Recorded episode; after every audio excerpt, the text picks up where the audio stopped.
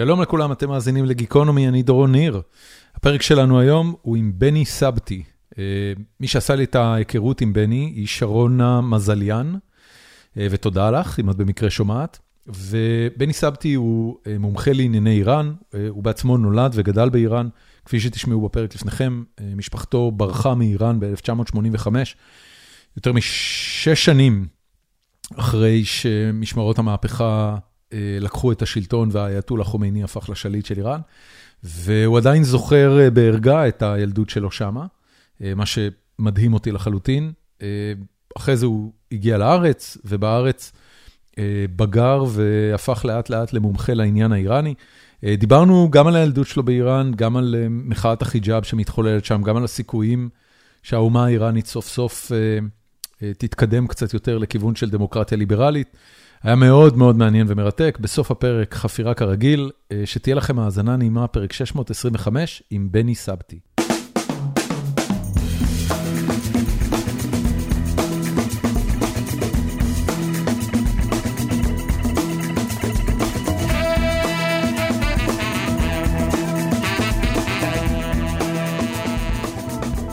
משהו שעושה קליקים, אתה רוצה שאני... לא, לא, זה מהצד שלי, זה היה הוואטסאפ, וסגרתי עכשיו את הוואטסאפ, אז... לא, גם לי יש וואטסאפ פתוח, אז אולי אפשר... אז תסגור. כל מה שאתה יכול לסגור שלא יעשה לנו רעש, זה סבבה. זהו, בדיוק, בדיוק. רגע. בינתיים, תן לי לשאול אותך, כן. אני, כדי לעשות תחקיר לפרק הזה, קראתי עליך בכל מיני מקומות, וקראתי על העבודה שלך במכון ירושלים, אבל יותר מכל דבר בביוגרפיה שלך, סקרן אותי שאתה היית ממקימי דובר צה"ל בפרסית. וזה משהו שאמרתי, קודם כל, לא ידעתי שיש דובר צה"ל בפרסית, והתחלתי לחשוב עם עצמי, למה בכלל שדובר צה"ל ייצור תוכן בפרסית? כי, אתה יודע, אני, אני כשהייתי צעיר, אחת החוויות החזקות שלי זה שסבא שלי, שהיה מכור לחדשות, היה מכריח אותי, כל פעם שהייתי מבקר אצלו, לראות את החדשות של ירדן. ירדן עשו חדשות בעברית, אני לא יודע אם אתה זוכר, בשנות ה-70, סוף שנות ה-70, תחילת שנות ה-80, היה את החדשות בעברית בירדן, כל יום בשבע וחצי, משהו כזה, לפני המהדורה המרכזית בישראל. ואמרתי לו, מה פתאום שערבים, כאילו, מה פתאום שמדינה, שאז עוד הייתה מדינת אויב, תעשה חדשות בעברית? אז הוא אמר לי, כדי, כדי, כדי, אתה יודע, לשנות את הדעה, כדי לספר את הסיפור שלהם. ואני אף פעם לא הבנתי את זה, אמרתי, אוקיי, הרי מרגע שאתה רואה תוכן, שאתה יודע שהוא מגיע מישות עוינת, אתה ישר עושה לזה דיסקליימר. אתה אומר, אוקיי, אני לא, אני לא יכול באמת לקחת את זה ברצינות, אז, אז, אז ככה התייחסו לחדשות העבריות ב, ב, בטלוויזיה הירדנית. מה לדובר צה"ל ולחדשות בפרסית? אוקיי, אז אולי אני אציג את עצמי אחר כך, אבל לעניין הזה, תראה, לאורך עשרות שנים ואולי בעצם בעיקר בעיקר מאז 2008-2009 כשהנושא הגרעיני האיראני עולה על הפרק בצורה מאוד מאוד מהותית וכל uh, שיח התקיפה אם אתה זוכר שהיה באוויר כן. שישראל אולי תוקפת את איראן וכו' נכון. אז הנושא הזה של להקים ערוץ שמשדר בפרסית לאיראנים זה לא לשימוש פנים ישראלי כמובן, הקהילה היהודית האיראנית פה בארץ היא מאוד נטמעת דרך אגב. היא נכון, היא קצת נשארת איראנית, אולי יותר מעדות אחרות, אבל, אבל היא לא פעילה בנושא הזה, חוץ מעכשיו שיש את המחאות וכאלה, אבל בגדול היא, היא יותר ישראלית, הרבה יותר ישראלית. ורצו באמת אה, אה, לשווק את הצד הישראלי לא ב... לא בווליומים העוינים כמו שאמרת על הערוץ הירדני או על הערוץ המצרי שפעם היה גם כן ואני שמעתי לפעמים חדשות איך הם נגיד דיברו בששת הימים על זה שהמצרים הולכים אה, אה, לרמוס את ישראל וכל מיני אז, אז הכוונה לא הייתה ככה כמובן אלא יותר לשווק את ישראל לעיניים ישראל, איראניות לציבור האיראני ולהבין שאנחנו בעצם לא אויב שיש פה חיים נורמליים שיש פה ים, שיש פה צעירים, שיש פה אנשים שעושים דברים רגילים והם לא עוינים את איראן ביום יום, זה בכלל לא לא בראש מעייניהם, אלא מה שמחפשים זה יותר דווקא חברות ושיתוף פעולה. זאת אומרת, הכוונה של דובר צה"ל, שים לב, דובר צה"ל זו בעצם יחידת התקשורת של צבא ההגנה לישראל. נכון.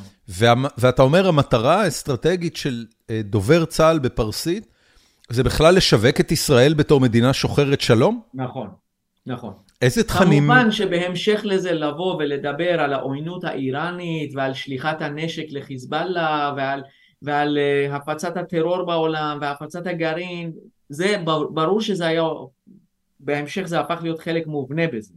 אבל גם עניין של השיווק הישראלי, זה היה גם כן משהו שעמד ב, בראש מעייניהם של... בהמשך לזה יש לי שתי שאלות. השאלה הראשונה, אה, כן. למה דובר צה"ל? למה לא משרד החוץ? זו שאלה ראשונה. והשאלה השנייה, איך בכלל מודדים הצלחה של מאמץ כזה? איך מודדים רייטינג בקרב אה, איראנים או בקרב דוברי פרסית? אה, איך עושים את זה? כן.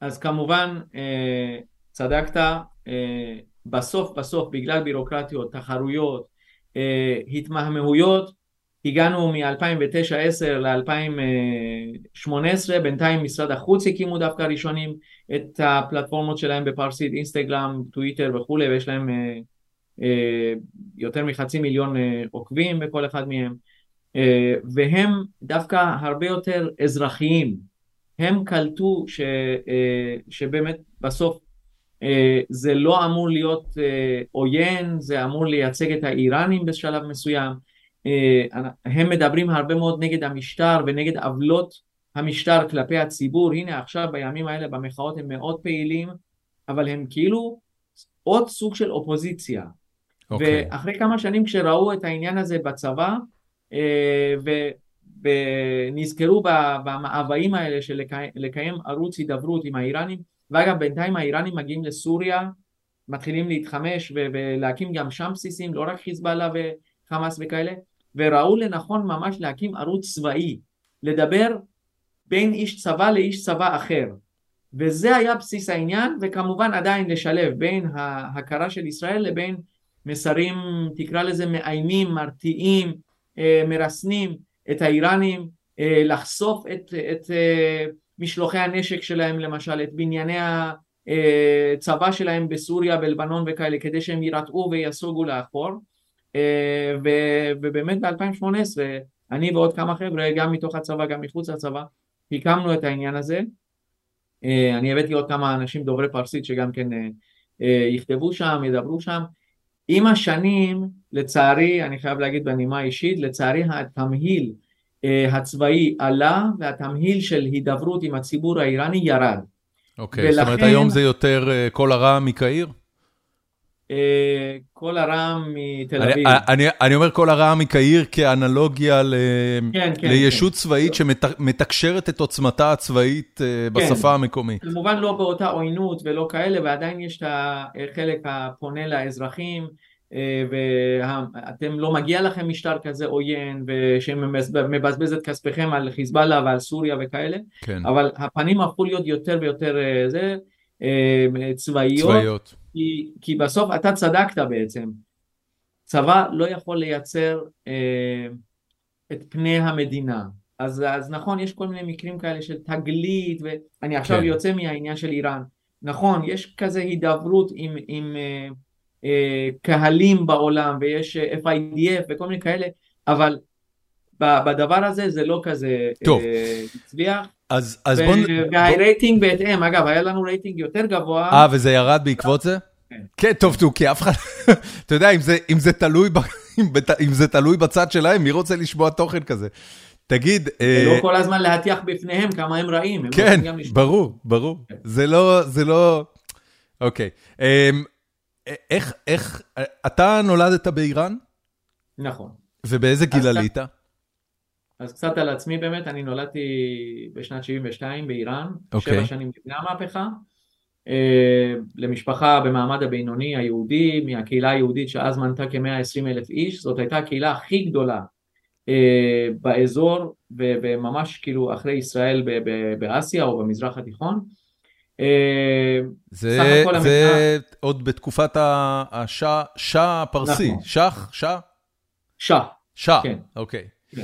אה, כמובן, מאוד דומה, המילה הזאת מאוד דומה למשחק שחמט. נכון, כי נכון. מה זה שחמט? זה המלך אה, מת. בהלם. אה, מת מת זה זה לא. מת? כן, אוקיי, כן. חשבתי שמט המילה זה היא מת. פרסית. הבנתי, אז כאילו, ברגע שאתה גורם הלם למלך, בעצם ניצחת במשחק. הבנתי, הבנתי. אה,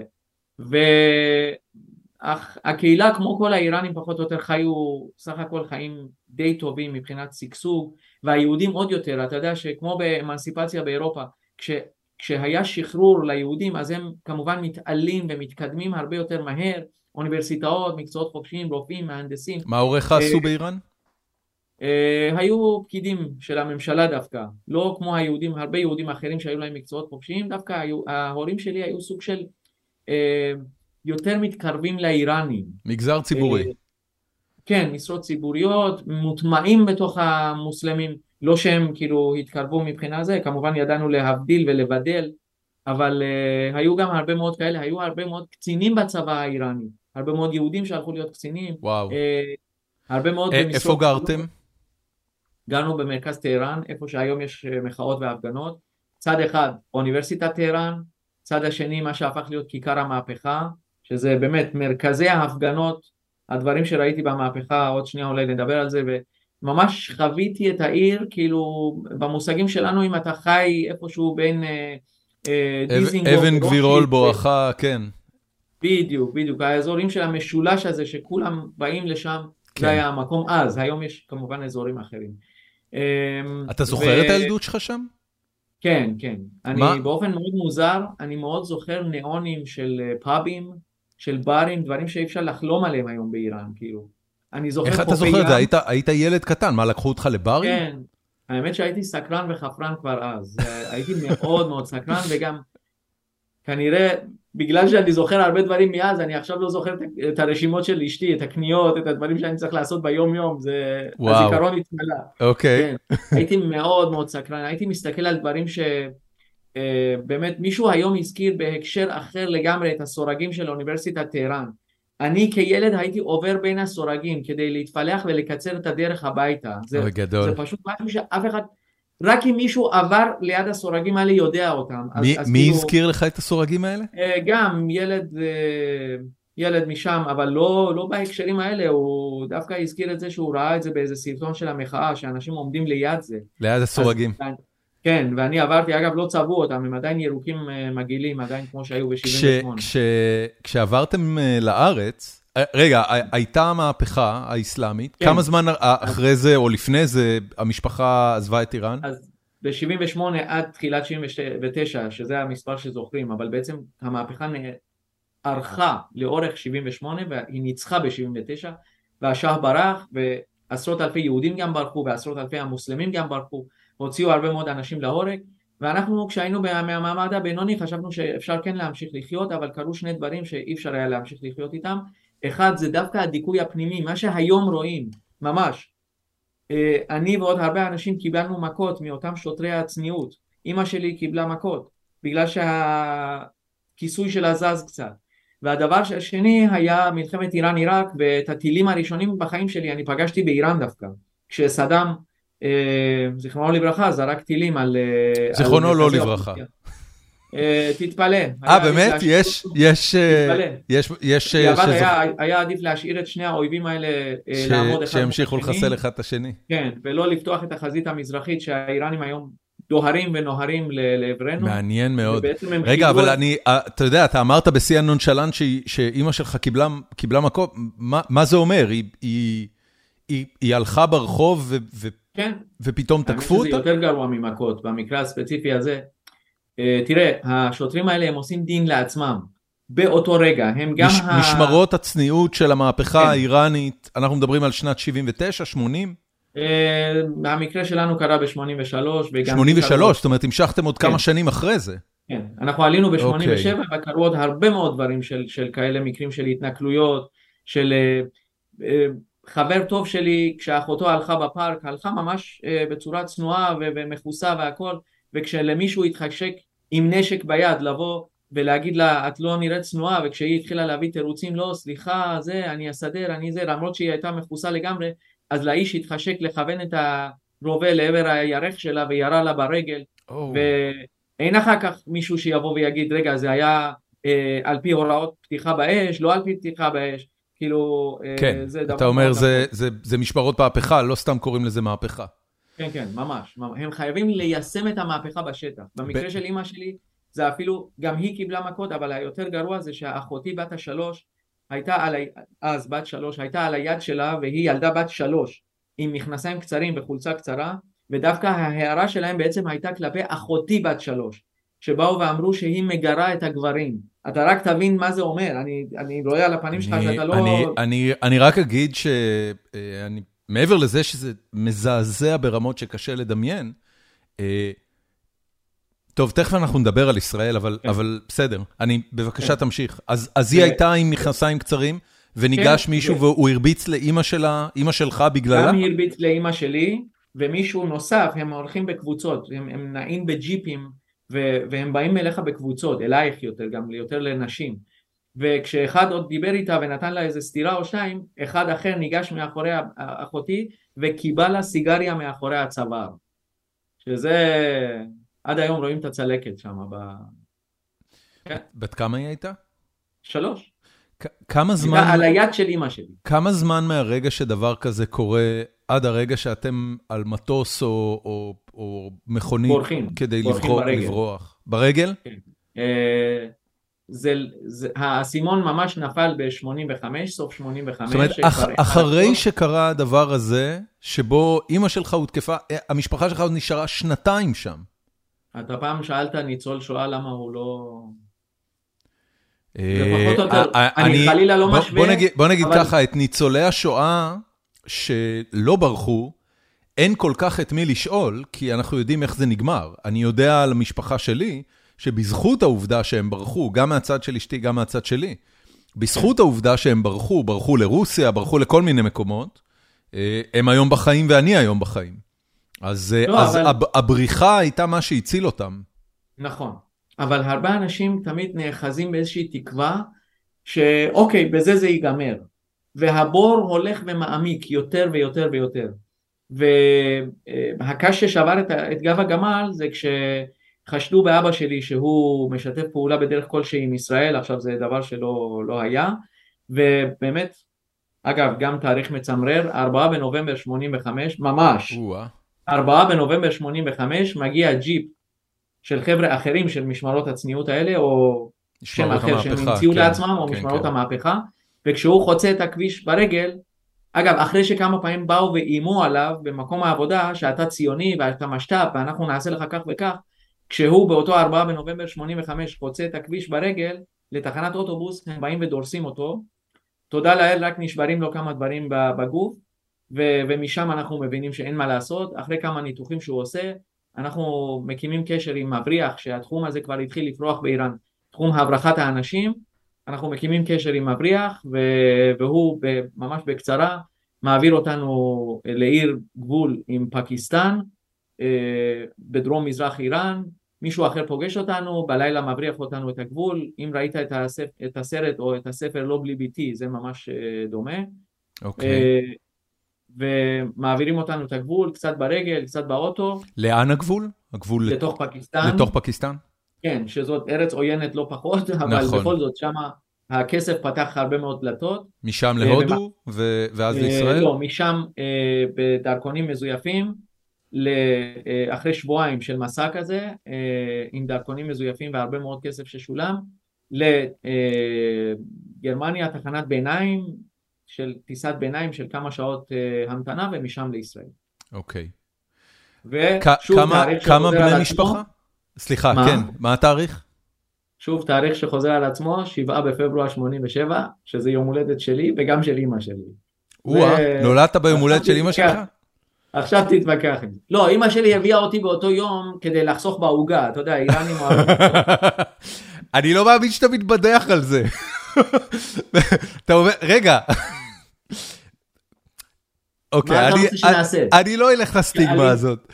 אתה יודע, אני רק, אני רק חושב, אתה, אתה מספר לי דברים מזעזעים. תקשיב, בני. זה, זה, אין, אין לתאר את מה שאתה אה, מספר פה. זה, זה, זה נשמע כמו חוויה אה, מטלטלת ממש. אבל, אבל אני רוצה רגע אחד לחזור לילדות שלך ו, ולחיים כן. באיראן. אני נתבדח בהמשך, אני רואה שאתה, אני רואה שאתה מסוגל להתבדח על זה, אבל לא נתבדח על זה כרגע. זה המנגנון ההגנה, אין משהו אחר לעשות. זה... כמובן על החלק של אבא שלי או אחותי וכאלה, או מה שקרה לי אגב, גם, ואני לא, לא צוחק בכלל. זה... אוקיי. אבל כש... עם השנים זה משהו, משהו קצת פוחת, משהו, וגם סיפרתי את הסיפור כל כך הרבה פעמים ש... כן, אוקיי, אני מבין. מה, מה שמעת על ישראל? אתה יודע, אתה אומר מצד אחד, אה, להיחשד בציונות נחשב כן. לבגידה גדולה ואסון גדול, שבן אדם כן. יכול לסיים את חייו עליו, מה בכל זאת שמעת על מדינת ישראל אה, בשנים שגדלת אחרי, אחרי המהפכה? כן, אז מילה דווקא לפני המהפכה, שאלת על מה אני זוכר. אני זוכר קופות תרומה לקק"ל. אוקיי. לפעמים מראים את זה פה בתוכניות נוסטלגיות, שיש כל מיני אנשים עם, עם קופות של כן, קק"ל כן, בבית. כן, כן, בטח, קופת קרן קיימת. כן. אז, אה, אז היו מסתובבים בבית כנסת והיה קופה כזאת והיו שמים כסף לטובת אה, תרומות לישראל, אני ממש זוכר את זה, אני זוכר אנשים שבאים ומעודדים עלייה במיוחד לקראת המהפכה, ישראל קלטה שהולכת להיות אה, מהפכה ושינוי מאוד גדול, ואגב השגרירות הישראלית נכבשה ומשרדי אל על נכון. נשרפו, זה דברים שאנשים ראו, ואני זוכר דברים כאלה שיש הרבה שיח והרבה עשייה סביב ישראל והרבה אהדה כלפי ישראל כמובן מצד היהודים אה, אחרי ישראל כל הזכר של הדבר הזה נמחק. היהודים, כמו שהם יודעים תמיד בגולה, הם התחילו להתכחש, הם התחילו להעלים את הקשר הזה מול ישראל ברמת הפרט, וכמובן בבתי כנסת כל הסממנים האלה נעלמו, התחילו למשל... זאת אומרת, כן, כן ליהדות, אבל לא לציונות. בדיוק.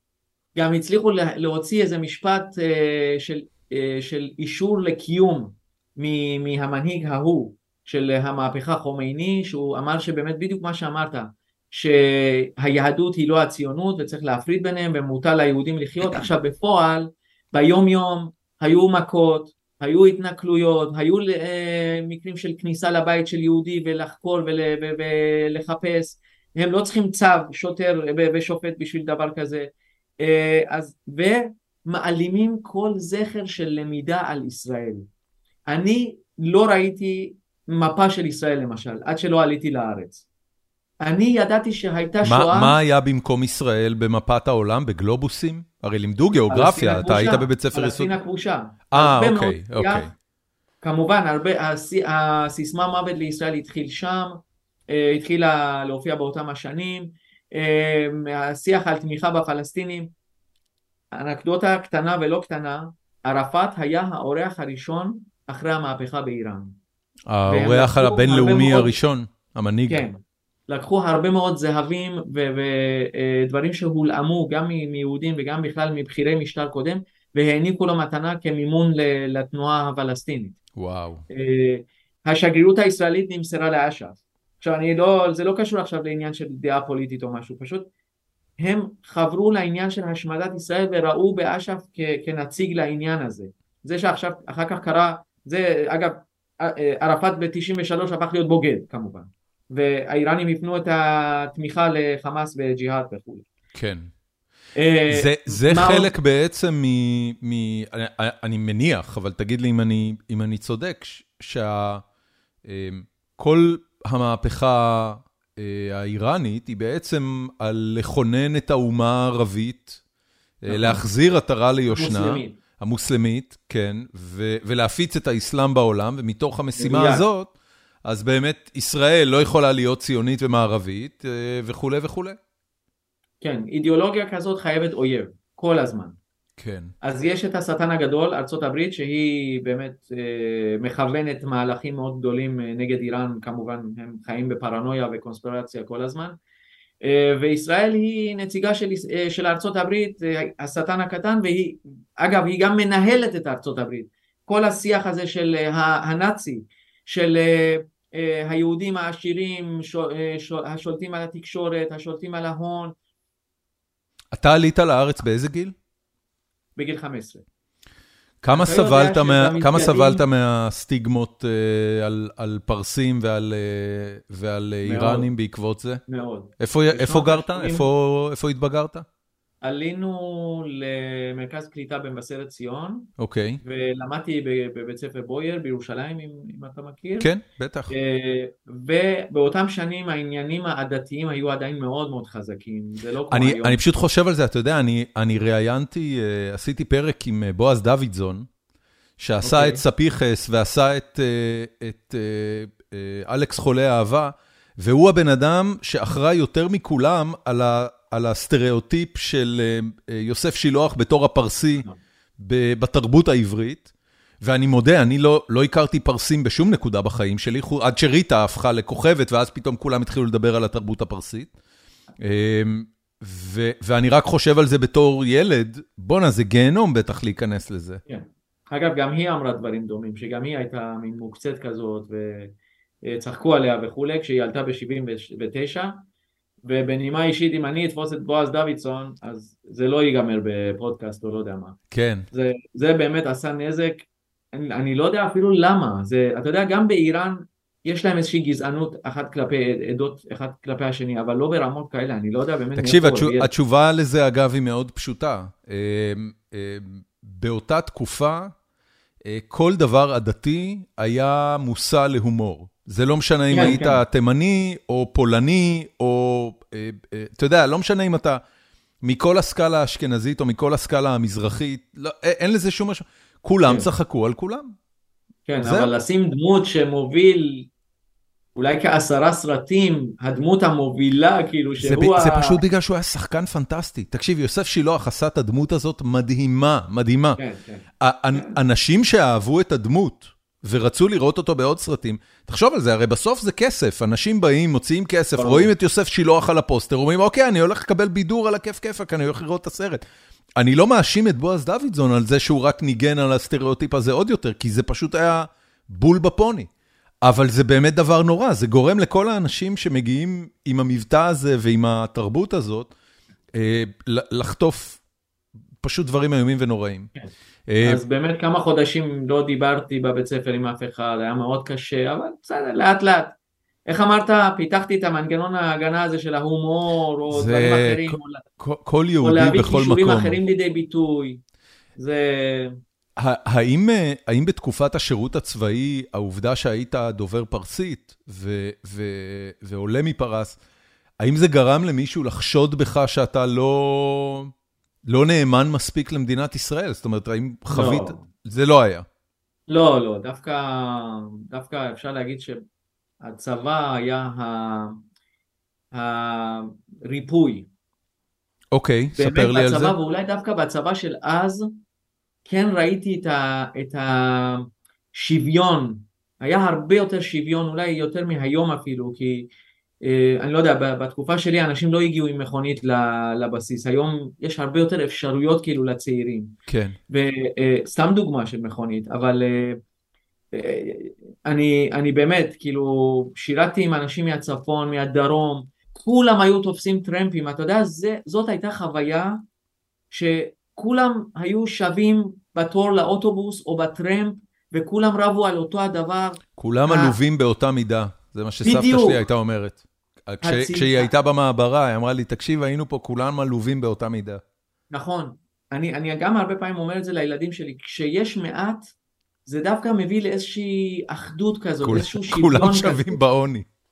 זהו, אוי אז ואבוי. אה, אמרת משפט מאוד יפה דווקא. כן, זה- כן, כן. אז, אז דווקא הם אה, הביאו לסוג של ריפוי, אני יצאתי עם אנשים מרמת אביב ויצאתי עם אנשים מרמת דוד וכאילו ירוחם, כל מיני אנשים שלא חשבתי, וזה אגב משהו שהכיר לי את הארץ, היו לי הרבה מאוד חברים לאורך שנים שפתאום בזכותם, בגללם הייתי הולך לבקר ואולי דווקא בגלל שנכוויתי מאנשים בבית ספר ולא נשאר לי קשר איתם, אז דווקא עם, עם חברים של הצבא הרבה מאוד שנים שמרתי על קשר, הייתי נוסע אליהם אפילו, זה היה סוג של לעשות טיולים ב- בארץ, אז וואו. דווקא שם, אה, כן, ומשם כבר, אה, ב- באיזה נקודה החלטת שאתה רוצה להתחיל להתמחות ב- באיראן, אה, כ...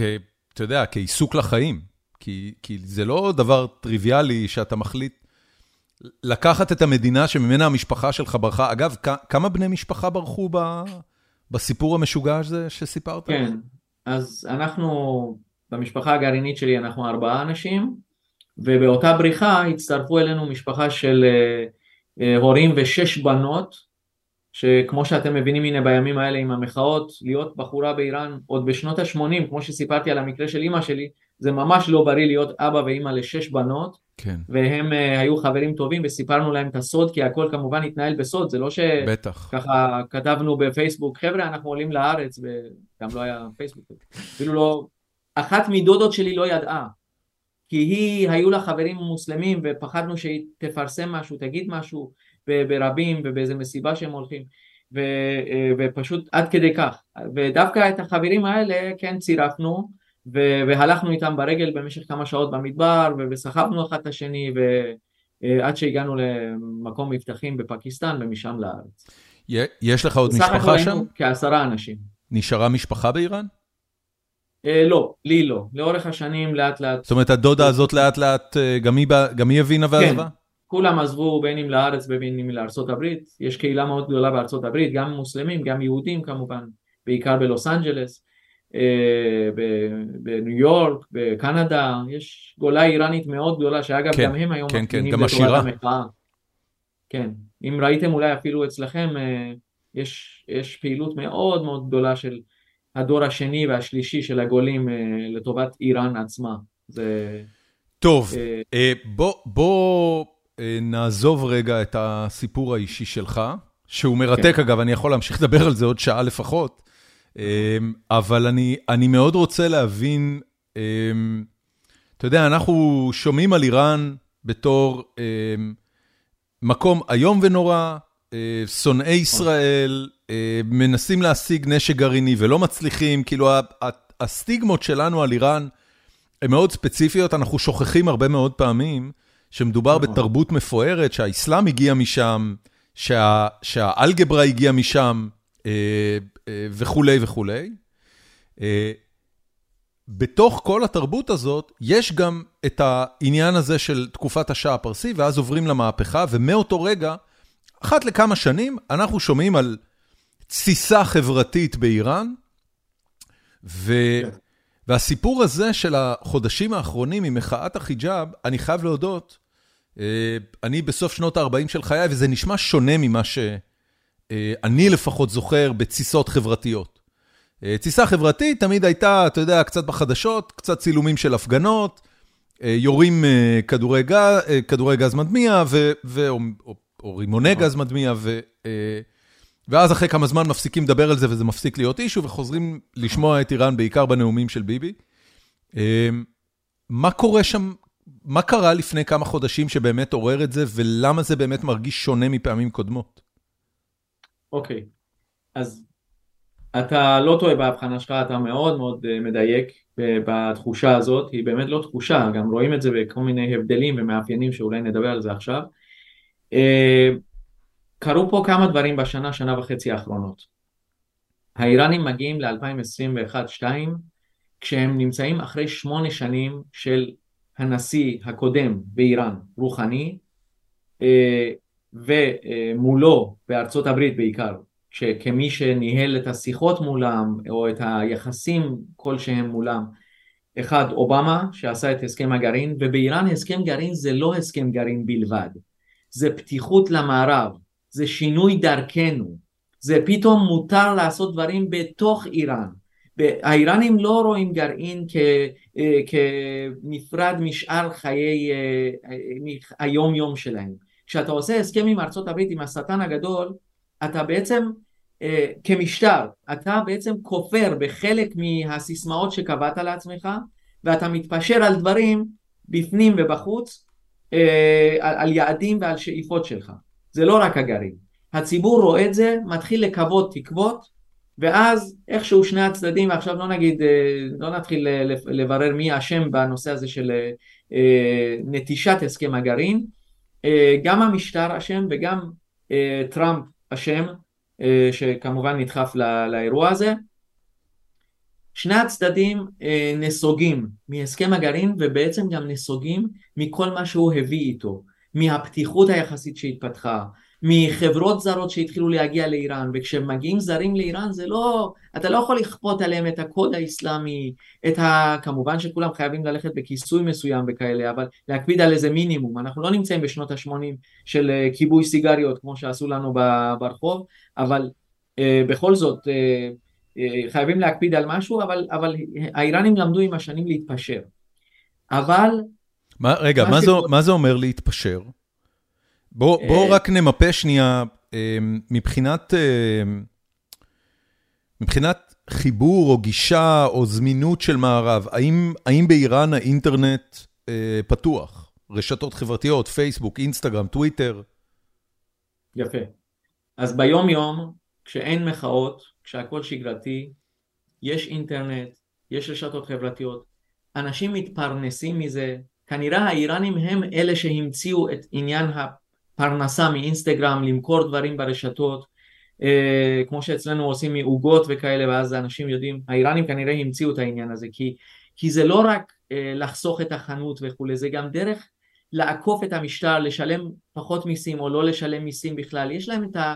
סיבות שלהם לחיות באינטרנט. כמובן שגם להתוודע לעולם החיצון ולפגוש... למה, למה המשטר מאפשר את זה? לתת אה, נשימה, לתת קצת, להוציא קיטור לציבור. אי אפשר לחסום ולסגור ולחנוק לאורך הרבה מאוד זמן. איראן לא רצתה להיות צפון קוריאה. היא היום נגררת להיות צפון קוריאה.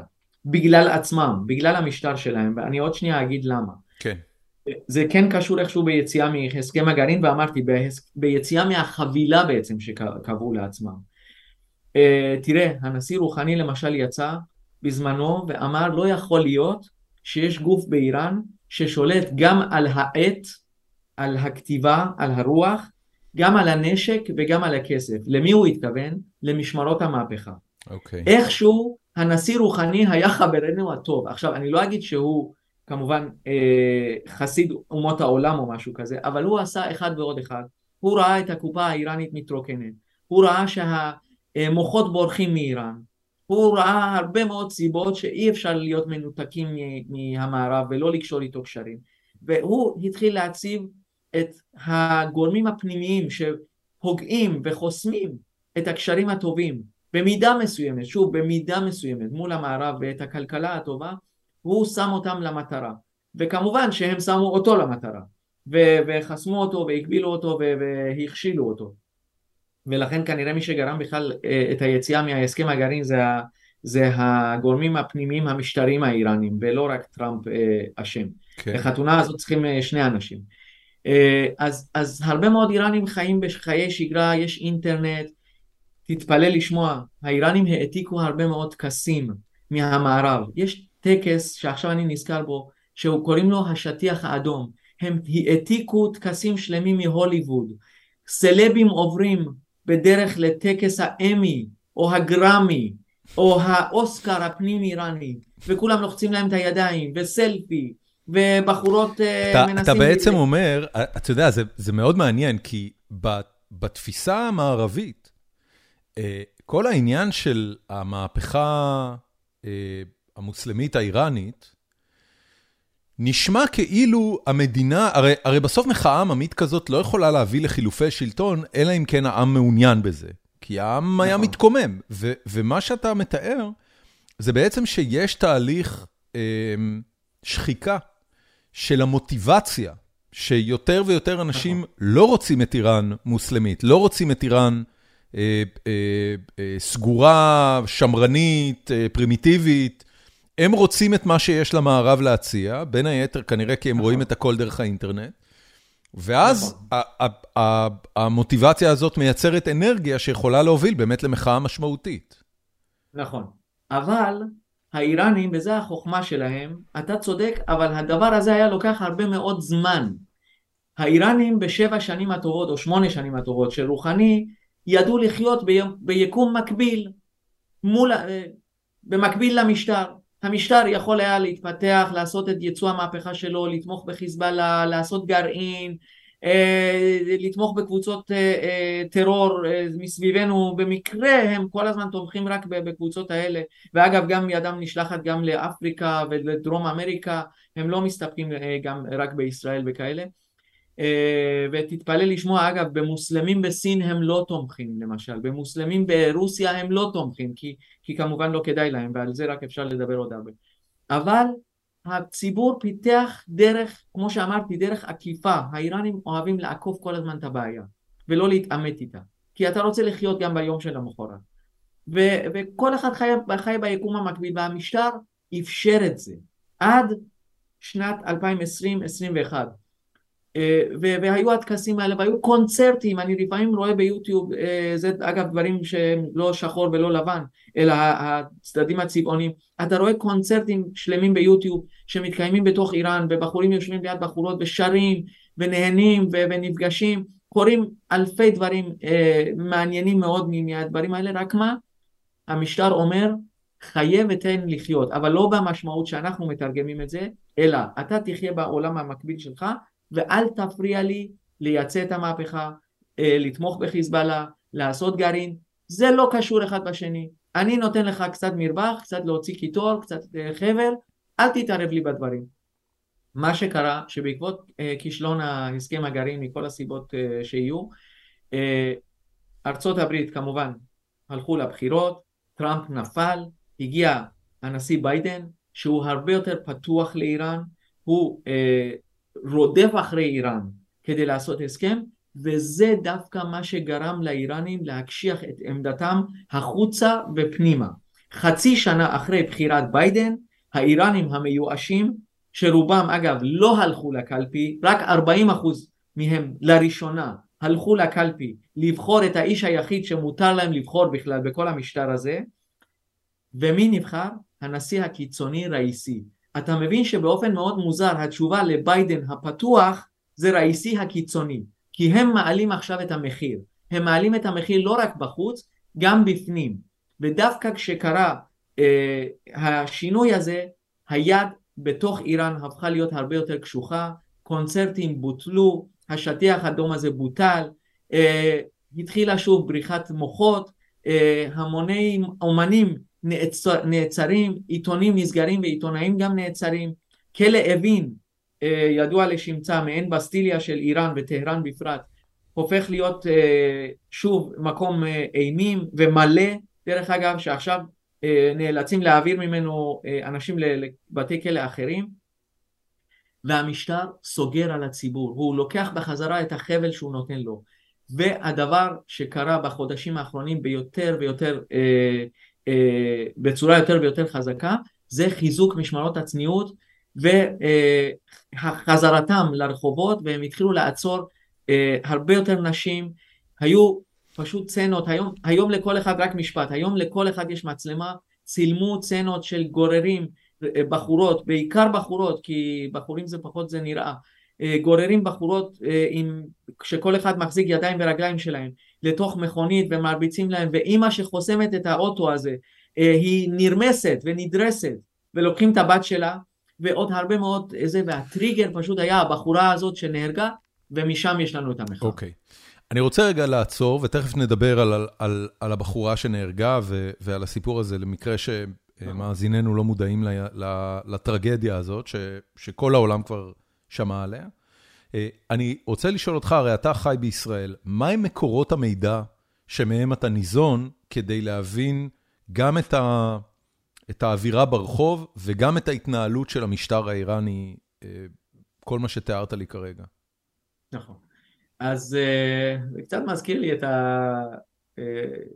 החדשות בערוץ הירדני, שזה לא רק שהם רוצים לאיים, הם רוצים להישמע. Okay. אוקיי. לעמים האלה שעוינים אותך, יש גם צד של אני רוצה להשמיע את הצד שלי.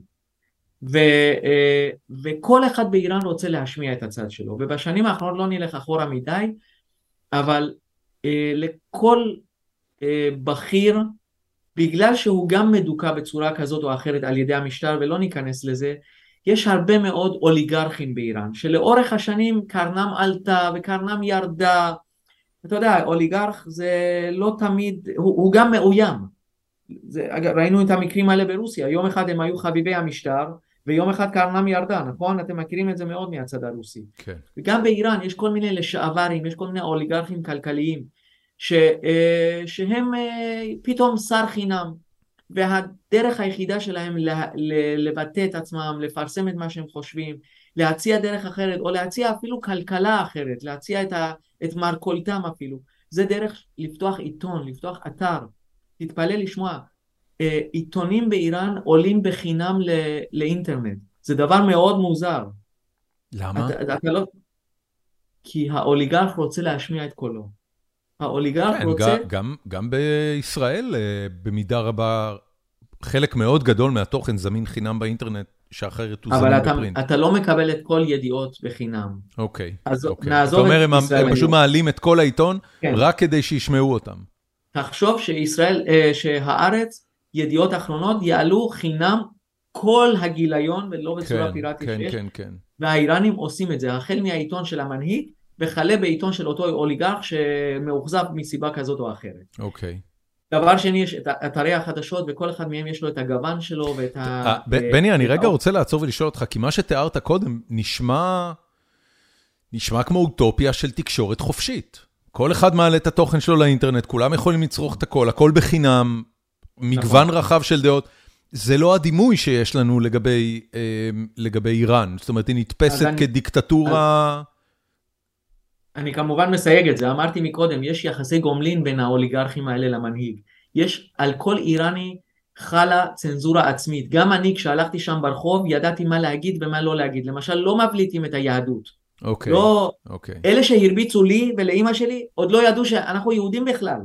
אוי ואבוי אם היו יודעים שאנחנו יהודים, זה היה נגמר במשהו, במעשה השחתה ובאנו לקלקל את הנוער בכלל והיו גוזרים עלינו כמה שנות מאסר. הבנתי. אתה כל הזמן חי בצנזורה והם יודעים איך להגיד את הדברים ברמזים ובשירה ו, ופתאום כולם יודעים בית של שיר שמעביר את המסר וכולי, אז, אז קשה מאוד לתפוס אותם. Okay. אוקיי. בעבירה שלהם. זה מאוד מאוד חשוב לדעת מה להגיד ומה לא להגיד ומה להגיד בין השורות. ולכן חלק מהעיתונים האלה או האתרים האלה שורדים לאורך השנים, חלק לא שורדים לאורך השנים. הרבה מאוד אנשים אמרתי נכנסו לכלא בגלל מאמר, בגלל אה, דברים אחרים. Okay. אוקיי. זה מזכיר לי אירוע של גנרל במשמרות המהפכה, כשהוא חשב שב-2012, אחרי מהומות של 2009, הרבה אחרי שחשבנו שכבר שכחו ודעכו אבל עדיין הגחלים היו מתחת לפני השטח. ו, ואיש משמרות המהפכה, שגם כן היה קצת מאוכזב, כתב מאמר שהמשטר איבד את, את דרכו. באותו לילה מגיעים אליו אה, עשרות גנרלים של משמרות המהפכה הביתה, כולל מיודענו סולימני, שנהרג אה, לא מזמן אה, בגלל אה, אה מעלליו כלפי המערב וכלפי ישראל, מגיעים אליו הביתה ושואלים אותו, מה עובר עליך? מה, מה קורה איתך? והוא כמובן מבין שעשה חטא גדול והוא אומר לא, לא התכוונתי שינוי יסודי אלא אה, דברים שלפעמים צריך זה, כמובן מביא את התירוצים של אה, כלב אכל לי את השיעורים אה, ותוך כדי אגב תוקפים את הבית שלו וזורקים עליו אה, אבנים והוא, והוא מאז שותק הבנתי. ולא מדבר, הבין זה גנרל משמרות המהפכה אז תבין מה עובר על אזרח כן, רגיל. כן, כן. טוב, אז, אז בוא... ועוד משפט, כמובן הרשתות החברתיות פורחות מאוד ויש שם הרבה מאוד, הרבה יותר מידע, קצת יותר חופשי מהאתרים והעיתונים, ו- ואני פשוט יום ולילה נמצא שם, אה, קורא אלפי ידיעות ביום, זה פשוט לא נגמר, ובימים כאלה של מחאה, זה אוקיינוס שאתה לא מצליח להשתלט עליו. אוקיי. Okay. אז, אז את, ה, את המחאה הזאת, מה, ש, מה שהצית, אה, אולי יותר מכל דבר אחר, היה אירוע שבו אה, בחורה, מה זה היה, בת 20 ו... 22, אה, נרצחה, או, או למעשה, אה, אני מניח שפשוט ניסו לחנך אותה מחדש, אבל אה, מישהו התלהב. יותר מדי וזה נגמר בזה שהיא מתה. נכון. רק על זה ש, שהחיג'אב לא, לא ישב לה טוב, או, או שהיא הסירה אותו? נכון. אז באמת בחורה בשם מעשה המיני שהפכה להיות הסמל של המחאה הזאת והשטגים בטוויטר ובאינסטגרם מובילים אה, את השיח הזה אה, במקום הראשון או השני של שיח ברחבי העולם בכלל. נעצרה באמת על, על עניין הכיסוי שלה, שוב איזה טלטל כזה או אחר, ושוב זה חוק פלואידי, כמו שאמרתי, מישהו יכול לא להעיר על, על כל השיער בחוץ ומישהו אחר יכול להתח, להתחמם ולהתלהב ולהעיר על טלטל הכי קטן ובאמת החמירו איתה ובטעות כנראה אה, אה, הלכו יותר מדי והרגו אותה כנראה בתוך הוואן אה, ששם עוצרים את הבחורה והיא ממכות בראש שהיא קיבלה, התאשפזה במשך יומיים שלושה בבית חולים ואז מתה וזה מה שהצית את ה... היא, היא הייתה ממשפחה נחשבת? זאת אומרת, היא, היא, היא הייתה מעמד לא. בינוני, סתם מישהי אנונימית שפתאום... לגמרי אנונימית, מה שמעניין בזהות שלה זה שהיא הגיעה ממחוז כורדיסטן, היא מהמיעוט הכורדי. אוקיי. Okay. היא הגיעה לבקר בעיר הבירה טהרן, ופשוט היא נפלה קורבן מקרי אה, לאותם שוטרים אה, נלהבים, אה, אבל צריך לזכור את מה שאמרתי קודם, קדם לאירוע הזה לפחות עשרה חודשים או שנה של דיכוי מחמיר, איראן שהמשטר שלו בוחר לברוח קדימה. איך אה, יש פסוק כזה ב, אה, ביהודים, אה, שאני לא זוכר בדיוק את הפסוק, שכתוב שבימי פרעה, כשדווקא מקשיחים את היד כן. על בני ישראל, פרעה הקשה את ליבו. אז... מה? פרעה הקשה את ליבו. נכון, או, ודווקא או... אז הם פורחים יותר. עוד לפני שהם יוצאים ממצרים, הוא לא מצליח להשתלט עליהם, ו, ו, וזה מה שקורה למשטר האיראני בעצם, והוא מחליט שהוא בורח קדימה, כמו שאמרתי, אה, גם בפנים וגם בחוץ. בחוץ אנחנו רואים את עליית העלאת המחיר שלו כלפי כן, המערב, כן, כן, כן. הוא מציב דרישות, וגם בפנים הוא, הוא חושב שאם הוא עושה יד אה, קשוחה כלפי הציבור, הוא יכול לצלוח את האירוע הזה של לרעוב ולא לעשות הסכם מול המערב, הוא יכול לצלוח את האירוע הזה בשקט. אגב, אני, סליחה בני, אבל אני צריך לתקן את עצמי, זה לא פרעה הקשה את ליבו, זה אלוהים הקשה את לב פרעה. נכון, כי על פי נכון. ההגדה היהודית, אלוהים הוא זה שמחולל את כל האירועים, אז... אה, כן. שלא ייכנסו בי בטוקבקים אחרי זה שאמרתי משהו לא נכון על פי לא, המסורת היהודית. כמובן.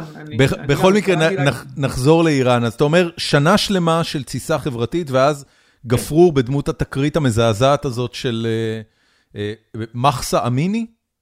נכון. זה שמה? מחסה אמיני. מחסה אמיני. נכון. ומאותו רגע, אתה יודע, אני רואה כבר חודשים, פשוט קליפים מדהימים בטוויטר של נערות בבית ספר צורחות על המורה שלהם, או על ה... לא יודע מי זה, המנהל שאחראי על צניעות הילדות, כאילו משהו שאתה מסתכל ואתה אומר, אוקיי, זה, זה, זה או אומץ משוגע, או שאנחנו לא באמת מבינים מה קורה שם. נכון, אז באמת, אה, המשטר האיראני לא שם לב לדבר אחד. יש שינוי דורי מאוד מאוד גדול באיראן שוב נחזור לספר שמות, דור שלא ידע את יוסף, או יותר נכון את המהפכה ואת חומייני. והערכים של המהפכה כבר לא מעניינים אותם. אגב, כל יום הם בכלל שומעים דברים הפוכים. הם שומעים שבכירי המשטר הלכו, מקרה אמיתי, הלכו לקניות של אה, תינוק שעומד להיוולד לבכיר המשטר, הם נסעו לבלגיה והולנד לקנות את חדר התינוקות שם, להביא מוצרים כאלה בקונטיינר שלם על חשבון המיסים של האיראנים. קיצור, השלטון מושחת. תקשיב, הרי, הרי בסופו של דבר השאה האיראני נפל במידה רבה בגלל שחיתות. בא חומייני עם בשורה צנועה ומתוקה של, של אסלאם טוב ומיטיב עם העם, וה, נכון. והשאה הסתלק והחיים יהיו טובים יותר. החיים לא רק שלא נהיו טובים יותר, נהיו גרועים להרבה מאוד אנשים. חלפו להם 30 שנה. אה, ועכשיו הדור אומר, אוקיי, כאילו מה, הגיע הזמן, הגיע הזמן למהפכה. הבנתי אגב, באופן כללי, אתה יודע, ביליתי את הסוף שבוע בלהאזין לשלל פודקאסטים על איראן, הבנתי שמהפכות זה ממש חלק מהתרבות. נכון, נכון. בגלל שהאיראנים לא משיגים את מבוקשם בדרכי הידברות ושלום מול השלטונות העריצים, שלעולם הם היו עריצים באיראן, מעולם לא היה... אה, אה, דמוקרטיה ליברלית. בדיוק, דמוקרטיה שמקשיבה להם וברצון העם. כל הבחירות באשר הם באיראן היו למעט מקרים, וגם באותם מקרים שקצת פתחו וקצת זה, הם כולם היו אה, לטובת המשטר שהתקיים ב-200-300 ואולי יותר שנים האחרונות, אה, ו, ולכן איראנים רק כשקצה נפשם הם מצליחים לעשות שינויים. וצדקת מאוד כשאמרת שזה מאוד דומה למהפכה, לא רק השחיתות דומה לתקופת המהפכה, גם הצעירים דומים מאוד לתקופת המהפכה. אלה צעירים שלא מורידים את הראש, הם, הם וכל יום רואים את השחיתות, וזה דבר אחד. הם כל היום נמצאים באינטרנט שלא כמו הוריהם שקצת פחות מבינים בזה. הוריהם מחזיקים בבית כולל בכירי המשטר, כולל אנשים שהם פקידים בציב, בציבוריות האיראנית ומשרתים את המשטר. גם הם במידה מסוימת בוגדים בערכי המשטר בגלל שהמשטר כל כך שחור ומצנזר ומשקר. ואתה אין לך מה לראות את הערוץ האיראני כי הוא אה, זה 1984 היום הכל, ניצלנו הכל נפלא, קילו. כן, אוקיי. הכל נפלא בדיוק והאח הגדול. וגם לאיש הציבור המשטרי נמאס ומחזיק בבית אה, מחשב וערוץ גולה ושומע דרכם. בדיוק כמו לפני המהפכה שהאשימו את BBC בפרסית שטפטף את הרעל ואת החשיפות נגד השאה הם שומעים את זה דרך ערוצי הגולים והם פשוט לא מבינים. הם באמת ברמת האי הבנה האיראנים היום המחאה הזאת היא מאוד רומנטית היא מאוד נאיבית. כן. בדיוק כמו המהפכה והמחאה שהתחילה ב-77-8 והיא הייתה אגב המשך של מחאות הסטודנטים של 68 של השמאל הצרפתי של השמאל שקם והמשך של וייטנאם מחאות כן, וייטנאם כן, האיראנים כן. 60-70 הם מאוד כן, זה, הם זה מאוד פוסט... שמאל רומנטי. נכון, הם, נכון. ולכן כשהם, אגב, שמישהו אולי עוד כמה שנים ייקח ויבחן איך המקרה של ג'ורג' פלויד בארצות הברית השפיע על המחאה באיראן, אלוהים יודע. תסביר זה, לי. אלה מקרים שהאיראנים רואים את העוולות של המשטרים האחרים שקורים במדינות אחרות, כן. אבל אז הם רואים טיפול, הם רואים בקרה. הבנתי. הם רואים שכשג'ורג' זאת אומרת, פלויד התנוע, נרצח, התנועה של Black Lives Matter, האיראנים מסתכלים על זה ואומרים, איפה, איפה, יפה. ה, איפה החיים ש... Women's Life Matter אצלנו אחרי... או אה, מי טו. אוקיי. במקרה של מחסה אמיני, עדיין לא מוצאים את השוטר שעשה את זה. במקרה הבנתי. של אותה בחורה אוקיי. שאימא שלה נדרסה, עדיין לא מוצאים את האנשים שנהגו. אז אתה אומר, אוקיי. הבטחתם אה, כלכלה, לא. הבטחתם זה, אוקיי, אתם אומרים שישראל וארצות הברית לקחו לנו, אכלו לנו מצוין. איפה הצדק האיסלאמי? איפה הציטוטים האלה שאתם מצטטים את האימאם עלי והנביא מוחמד על זה שהם טיפלו ביתום ואלמנה, אגב המילים מאוד דומות באסלאם וב, וביהדות. איפה המקרים האלה? תראה, לא, לא יכול... סתם אומרים שאנחנו בני דודים, אנחנו באמת בני דודים, זה, זה תרבויות שצמחו אחת ליד השנייה. אתה קורא את הפטרות התקופה של תשעה באב אה, ב- ביהדות ואתה רואה שכל התלונות זה על, על האי צדק החברתי, אתה, כל הזמן כתוב שם, לא ניכנס לזה, אבל לא, אלוהים לא אומר להם לא באתם להתפלל, אומר לא טיפלתם ביתום ואלמנה, לא עשיתם צדק.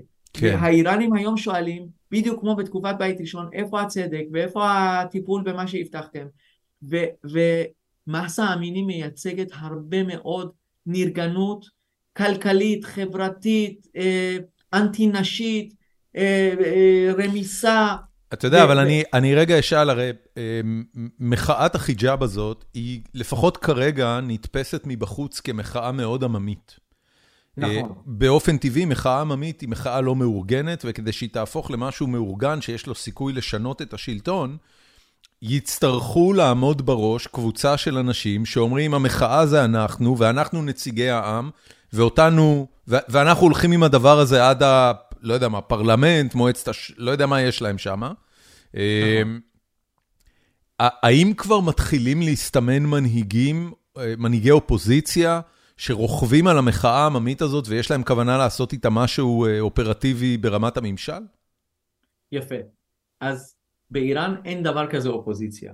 דיברנו על אותם אוליגרכים שקצת אה, משמיעים קול כזה או אחר, אבל הם לא מתנגדים למשטר כי הם סמוכים לשולחנו של המשטר. הם, אה, המשטר מיטיב איתם כלכלית, חברתית, מעמדית, והם לא ימרדו בשלטון, אלא אולי אם בימים האחרונים שהם יראו שהמאזן משתנה, אז פתאום באמת יכולים כמו כל מהפכה. פתאום הבירוקרטיה מצטרפת, אבל אנחנו לא שם. אוקיי. האופוזיציה האיראנית היא חיצונית. גולה. כמו שאמרתי, יש גולה, גולה, מה? גולה. כן. הגולה האיראנית היא אגב לצערנו מאוד מפוצלת, גם היא מאוד לא מאורגנת.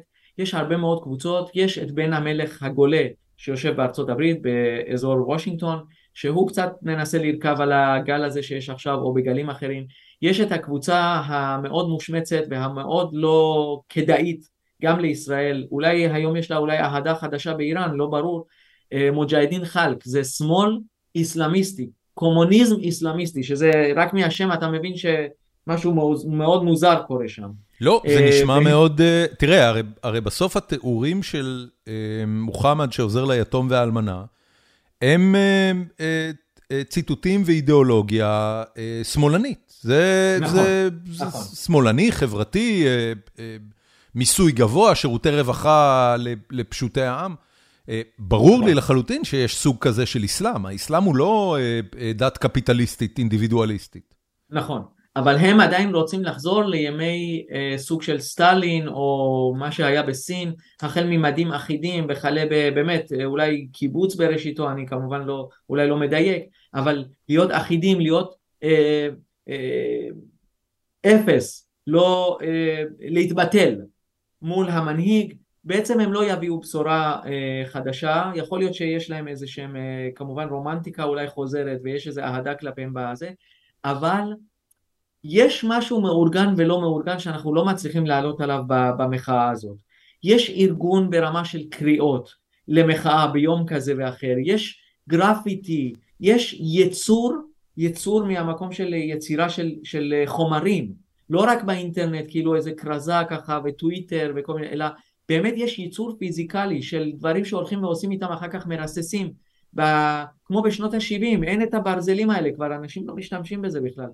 אה, ו- ויש את, ה- את הדברים האלה מישהו מדפיס אותם מישהו מייצר אותם מישהו י- אה, יוצק אותם. אה, ואנחנו לא מצליחים לעלות עדיין על ההתארגנות שיש באיראן כמובן מהצד של המשטר האיראני הוא הולך לשמות המוכרים קודם כל הוא עוצר את הבני החשודים תמיד קצת בני האוליגרכים, אה, עיתונאים ותיקים שהם עדיין לא בכלא אז הוא עוצר אותם גם כן.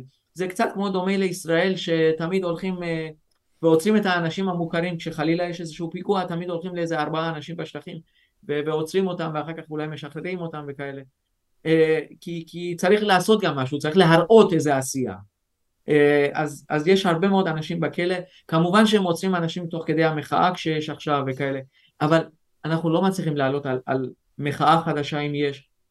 יש איגודים מקצועיים שמרימים קצת הראש, הראשים שלהם נעצרים מהר מאוד, יש שביתה במגזר הנפט, מהר מאוד... האם, האם יש, uh, אתה יודע, לאור כל מה שאתה אומר, המסקנה המתבקשת היא שהמחאה הזאת, כמו כל המחאות שקדמו לה, לא הולכת להסתיים בשום שינוי שלטוני מהותי באיראן, אלא תדוכא ביד אה, חזקה. ותדעך לה תוך כמה חודשים עד הסיבוב הבא. אמ, האם יש איזושהי סיבה לחשוב שזה יהיה אחרת הפעם? תראה, קודם כל, אה, המטרה היא שונה מאוד מהמחאות האחרות. המטרה זאת מה שהכי דומה למה שקרה במהפכה. הם מבינים שהשיטה כשלה. הם הולכים על ראשו של המנהיג, שאגב, באופן מכוון וגם לא מכוון מכנים אותו בתקשורת הרשמית המשטר. רק מהמילה הזאת אתה יכול להבין שכשמכנים משטר מנהיג וההפך לאיזה משטרים זה דומה. כן. זה מזכיר את היטלר, זה אוקיי. אוקיי. מזכיר את סטלין. אגב לא אמרתי קודם בזה רק, רק בסוגריים שתכיר שגם בשנים שלי כילד וגם היום מחלקים את מיינקאמפ בחינם באיראן. תבין איזה דור רוצים לגדל. ואיזה דור אה, דיברנו על המצוקה, אני אולי כשהייתה מצוקה ולא היה אינטרנט ולא היה איזה מוזיקה מעניינת לשמוע אז גם בסדר, לקחתי את המיינקאמפ וערכתי וקראתי כי לא היו הרבה ספרים אז זה מה שזה, אבל היום לנוער יש אלטרנטיבה, הוא מכיר את הזמרים הזרים, הוא מכיר פודקאסטים, הוא מכיר פוליטיקה, הוא מכיר הכל ואין מה למכור לו בדברים האלה.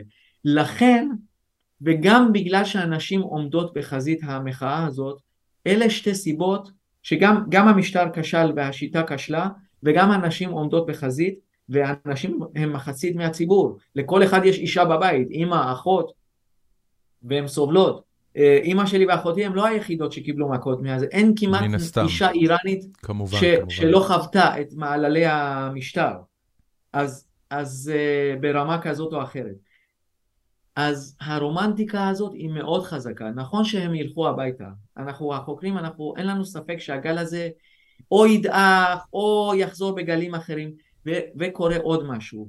פעם המחאות האיראניות היו פורצות כל עשר שנים. היה, הייתה אה, 99, זה כבר לא זוכרים, מחאת הסטודנטים, שאגב כן. גם היא הייתה על, על מגרש מאוד רחב, אבל לא ניכנס לזה, היא הייתה על המהות. 2009, עשר שנים אחרי, 2018-2019, שזה כמעט גם כן עשר שנים, ואז התחילו לבוא גלים הרבה יותר מהירים, הרבה יותר, זה קצת כמו רעידות אדמה. כשיש הרבה מאוד רעידות אדמה, אחת אחרי השנייה, הולכת לבוא אחת גדולה. אז אני לא יודע להגיד לך עוד שנה, כן, עוד חצי שנה. מה שרציתי להגיד זה שאני, אתה, אתה מתאר פה תדירות הולכת וגוברת של מחאות חברתיות, אבל אני לא יודע אם זה, אתה יודע, אם, אם, אם יש הרבה מקומות בחיים שאנחנו חווים גלים אה, תכופים יותר של עלייה וירידה, הייתי אומר שכל הכלכלה הגלובלית אה, חווה מחזורים אה, מהירים יותר בהקשר הזה, אבל בסדר. אה, האם יש בתוך המחאה הזאת כרגע איזה שהן דמויות, למעט אה, אה, מחסה אמיני שנרצחה, או או איך שנקרא לזה, אה, האם יש דמויות שהפכו להיות דמויות מפתח שם? מבין כן. אנשים אולי? כן, אז בינתיים נהרגו עוד כמה נערות ועוד כמה אה, צעירות, אה, שפשוט בתעוזה שלא תיאמן. העם האיראני הוריד את ראשו בשנות ה-80, בשנות ה-90, הוא לא היה מעז להרים את ראשו בצורה כזאת. ותוך כדי נרצחו אה, עוד כמה בחורות והם הפכו להיות עוד סמלים. וככל שהמשטר אגב הורג והוא מחשב את צעדיו, זה מאוד מוזר. אה, הוא לא הורג יותר מדי, כמו אגב ב-2019 במחאות הדלק. אז לפי פומפאו, שר החוץ האמריקאי, נהרגו 1,500 איש. והם סגרו את האינטרנט לגמרי כדי שהקולות האלה לא יצאו החוצה. היום הם לא סוגרים את האינטרנט יותר מדי, יש סרטונים, יש אה, דיווחים, משחקים סוג של חתול בעכבר. עכשיו תגיד זה מעייפות המשטר? אנחנו רואים אגב דברים שאני, אם האיראנים לא היו מצביעים על זה, אני לא הייתי יודע אותם, כי גם אני כבר מאוד רחוק מה, מאיראן. פתאום האיראנים מדברים על, תראו כמה שהשוטרים שמנים, וקשה להם לרדוף אחרי, תדע לך זה אירוע, זה דבר מאוד חשוב. מאוד, לא מאוד סימבולי, השוטר השמן. בדיוק. חולשתו לא של המשטר. הם, הם שמנו, הם, הם מושחתים. מדהים. ואתה רואה את זה ברחוב. אתה מבין? הצעיר האיראני, המהיר והאינטנסיבי, הוא לא יכול להיכשל על ידי שוטר שמן, שזה בכלל, זה גם מביא לך תחושה של ניצחון. גדול. על, וכמובן שבכלל מתנפלים, אגב זה עוד עניין של אה, נפילת מחסום הפחד, ושוב אם זה לא יהיה בגל הזה זה יהיה גל אחר, הם מקבלים חיזוק תוך כדי המחאה הזאת, הם מצליחים להתנפל על השוטרים השמנים ולהרביץ להם בידיים חשופות, אין להם נשק עדיין, הם מצליחים אפילו להרוג אותם, יש לפחות דיווחים על 27 הרוגים מתוך הכוחות, כולל אנשי משמרות המהפכה היותר מקצועיים, זה לא היה, כשאתה הורג כציבור איש כוחות הביטחון, כן. זה משהו אחר לגמרי, מעולם זה לא קרה. Okay. אוקיי. ויש כאלף פצועים לפי דיווחים רשמיים שהם מודים בהם, אגב, וגם לא... אלף לא פצועים טוב... מהכוחות של משמרות המהפכה? מהכוחות של משמרות המהפכה. הם גם מדברים על הרוגים, או שבזה הם עוד לא מוכנים להודות? לא, לא, הם גם הודו, זה, אלה היו מספרים רשמיים, 26 הרוגים רשמית מכוחות הביטחון למיניהם, ואלף פצועים. האם הדבר הזה הזיז באיזושהי צורה את דעת הקהל? אה, נגד המהפכה? או או נגד, ה, אתה יודע, נגד מי ש... אה, נגד המחאה הזו? אז לא, אז כמובן שעוד ועוד קבוצות פשוט מצטרפות. אנשים מבינים שהם מצליחים, yes I can, הבנתי. yes we can. אוקיי. כשהם רואים חבורה, ואגב, כשבחורה מרביצה לך, אני לא צריך להגיד לך מה זה אומר באסלאם. אה, אני לא, לא באמת יודע, אני מתאר לעצמי שזו השפלה גדולה. אוקיי, אז השוואה קטנה... תקשיב, הצילומי וידאו של התלמידות, יפה. אה, צורחות על המורה, מנהל, לא יודע אפילו מה הגדרת התפקיד נכון. שלו, אה, והוא אה, נראה איפשהו על הגבול בין מבועת לבורח. ויוצא, נכון. זה, זה, זה מהמם ממש. זאת אומרת, זה לא נכון. משהו שאתה רואה, זה לא משהו שאני מסוגל לדמיין ולא מתיישב עם הדימוי שיש לי למה קורה באיראן כרגע. נכון. אגב, אנקדוטה, זה מה שרציתי להגיד על העניין של העימות מול אישה. ב-2014-2015 כשדאעש אה, כבשו הרבה מאוד חלקים בעיראק וטבחו בכורדים, לכורדים היה פתרון מאוד מוזר ומעניין. הם הציבו כורדיות, לוחמות, בחזית מול דאעש. כדי שיהיה למה? את הפחד של מה יקרה אם אישה תפגע בך? בדיוק. כן. לדאעש היה, הייתה חרדה אם כדור של כורדית לוחמת פוגע, זה כאילו סוג של טמא, ואני אמות מכדור של לוחמת כן, כורדית. כן, זה, זה הורס להם את כל השהיד, אה, את כל האידיאולוגיה של השהיד. בדיוק, אז קח את זה לאיראן, והשוטרים האיראנים ומשמעות המהפכה הם לא פחות מדאעש, ויש להם אמונות מאוד מאוד דומות לאלה של דאעש. זה שעוד לא פגשתם את זה, אז רק על זה אפשר לדבר שעות. ו, אה, והנשים, זה לא סתם שהתלמידות, וזה אגב עוד קבוצה שהצטרפה ואנחנו הופתענו לגמרי, אתה אומר, מה עובר בראשה של תלמידה כן. שמצטרפת למחאה? אגב, זה אותם, זה דור ZZ, זה Z פלוס כבר. זה... כן, זה הדור אחרי זה אה, נקרא Alpha Generation, אה, אחרי ה-Z בא Alpha. בדיוק. רק שתדע, אני גם התעדכנתי רק לאחרונה בזה. זה כמו שאני, אין לי כבר מה לדבר עם הילדים שלי, הנוער, אה, שהם נגישים לכל דבר, ו... והם לא צריכים אותי, ועד כדי שהם... לא בשביל ידע, הם צריכים אותך בשביל הרבה דברים אחרים, הם לא צריכים אותך בשביל ידע. כרטיס אשראי, כן. בדיוק. לא, אה, גם אהבה, גם חום, גם איך להתמודד עם החיים, אל תקטין, בני. אה, לא, לא, בסדר, אבל בגדול זה דור אחר לגמרי. נכון, נכון. ולכן מאוד קשה להם לעמוד מול הדבר הזה. הם, הם לא מבינים איך הם אה, חטאו, איך הם כשלו בהעברת הערכים שלהם ו, וגם למוחים ולמוחות בעיקר יש הרבה מאוד טריקים, למשל להוריד את התמונות של המנהיגים מהכיתה ולדרוך עליהם, לקרוע אותם לגזרים, להמציא שירים שלמים, עכשיו זה נוער, אתה יודע באינסטגרם הוא שולח איזה שיר, כמו שאגב אחד השירים הפך להיות המנון המחאה של איזה צעיר הקליט באיזה אולפן צדדי, והוא נעצר כמובן, אבל הוא גם שוחרר דרך אגב, הם לא יכלו לה, להחזיק אותו בכלא, זה, אה, הלחץ היה גבוה מאוד. אה, יש להם כל כך הרבה חזיתות פתאום לשוטרים האיראנים להילחם בהם, הם לא יודעים מאיפה להתחיל אפילו. זה לא הצעיר של שנות ה-80, שכשעצרת אחד כל השאר ברחו. אתה עוצר היום אחת, באים עשרים, באים אה, חמישים, זה פשוט משהו מטורף, זה, אני באמת כילד לפעמים אני מקנא בהם, באמת הדור שלי לפעמים אנחנו מדברים בינינו, אנחנו חצי נעלבים מה, מהמחאה הזאת, חצי מקנאים בהם. יש מה, בעצם, יש מה לקנא על האומץ ועל ה... אנחנו אה, בעצם אומרים לעצמנו, מה כן. זה היה כל כך קל? יכולנו... זה, זה לא קל, תקשיב, אנשים, אנשים מתים שם, זה לא, נכון. אין, אין שום דבר קל בזה. אתה יודע, לפעמים יש משהו מטעה ב... מדיה חברתית יצא לה אה, מוניטין של משהו קליל וקל דעת ולא מעמיק ולא רציני ולא משמעותי. ולאט לאט ככל שמדיה חברתית הופכת להיות פלטפורמת התקשורת החופשית, רשתות חברתיות שונות אגב, אינסטגרם, פייסבוק, אה, אה, טוויטר וכולי, אה, ככל שהן הופכות להיות פלטפורמות התקשורת המשמעותיות ביותר בעולם, אז כל הנושאים מופיעים שם. אתה תראה נכון. שם גם כלכלה וגם פוליטיקה וגם מהפכות חברתיות, והדימוי הזה של מהפכה פוליטית בטיק טוק, הוא דימוי שבהתחלה מרגיש לך טיפה מוזר, שלא לומר קליל, אבל בפועל מה שאתה רואה שם זה, זה את מלוא הזוועה. אתה רואה את נכון. מלוא הזוועה, גם לטוב וגם לרע. אז אי אפשר, נכון. אי אפשר להקל בזה ראש, זה פשוט העולם שאנחנו נמצאים בו. אמ, טוב, בני, תקשיב. ומה שמאוד דומה אגב בעניין הזה, שהרי אולי מי הקים את הרשת החברתית הראשונה בעולם, זה דווקא מנהיג המהפכה בזמנו חומייני, כשעוד לפני המהפכה היה? איזה רשת? 70, לא היה, היה רשת של אנשים.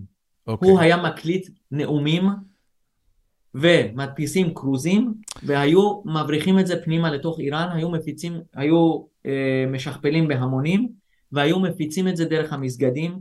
להמוני אנשים. אתה יודע, וככה... בני, אנחנו מדברים פה בשיחה כבר למעלה משעה, וזה מקסים לראות איך אה, למרות כל החוויה, אני לא יודע אם זה מקסים, אתה יודע משהו? זה משהו, אני אשאל אותך לגבי זה. כן, כן. למרות. חוויית הילדות המזעזעת שאתה מתאר באיראן, אה, לאורך השיחה הזאת, בנקודות מסוימות, יש לך גאווה לאומית איראנית עצומה. נכון. תס, תסביר לי את העניין הזה. אגב, נכון. חומני לא המציא רשתות חברתיות. אה, אה, איך עושים לא, מהפכות? רשת. כן, בסדר. היה לפניו ויהיה אחריו. אה, זה, זה, זה מזכיר לי, היה פעם סרט בשם My Big Fat Greek Wedding, ששם האבא הוא כל כך גאה להיות יווני, הם אמנם חיים בארצות הברית, אבל הוא כל כך גאה להיות יווני, שהוא יודע להסביר על כל מילה איך היא במקור בכלל מגיעה מיוונית. אז ככה אתה, כל דבר בתכלס מגיע נכון. מאיראן. אבל נכון. תסביר לי את הגאווה הזאת. מצד אחד, מדובר במדינה שעשתה רק רע למשפחה שלך, ושבסוף ברחתם ממנה ממש בעור שיניכם. ומה זה הגאווה הלאומית הזאת? תראה, קודם כל, אה, בדיעבד זה כבר לא גאווה רגשית, אלא גאווה אה, שכלתנית. בגלל שאני חוקר, ולא רק אני, הרבה מאוד גורמים, בעיקר יוצאי איראן, כאלה, לא רק בארץ, גם בארצות הברית יש כמה כאלה, כשהם חוקרים את איראן, הם, הם כמובן הרגשות נמצאים להם שם, אבל הם חוקרים את איראן, ושאלת אותי, אני הרבה שנים בתחום הזה, למה? כי אתה רוצה להביא, להחזיר את השינוי הטוב. אתה תמיד מקווה ש, אה, שהדברים יחזרו להיות לטובת הציבור האיראני, לטובת המדינה האיראנית, וכשלהם יהיה טוב, גם לישראל יהיה טוב. רק תדמיין, וגם לעולם. וגם לעולם. אני בטוח שאתה צודק.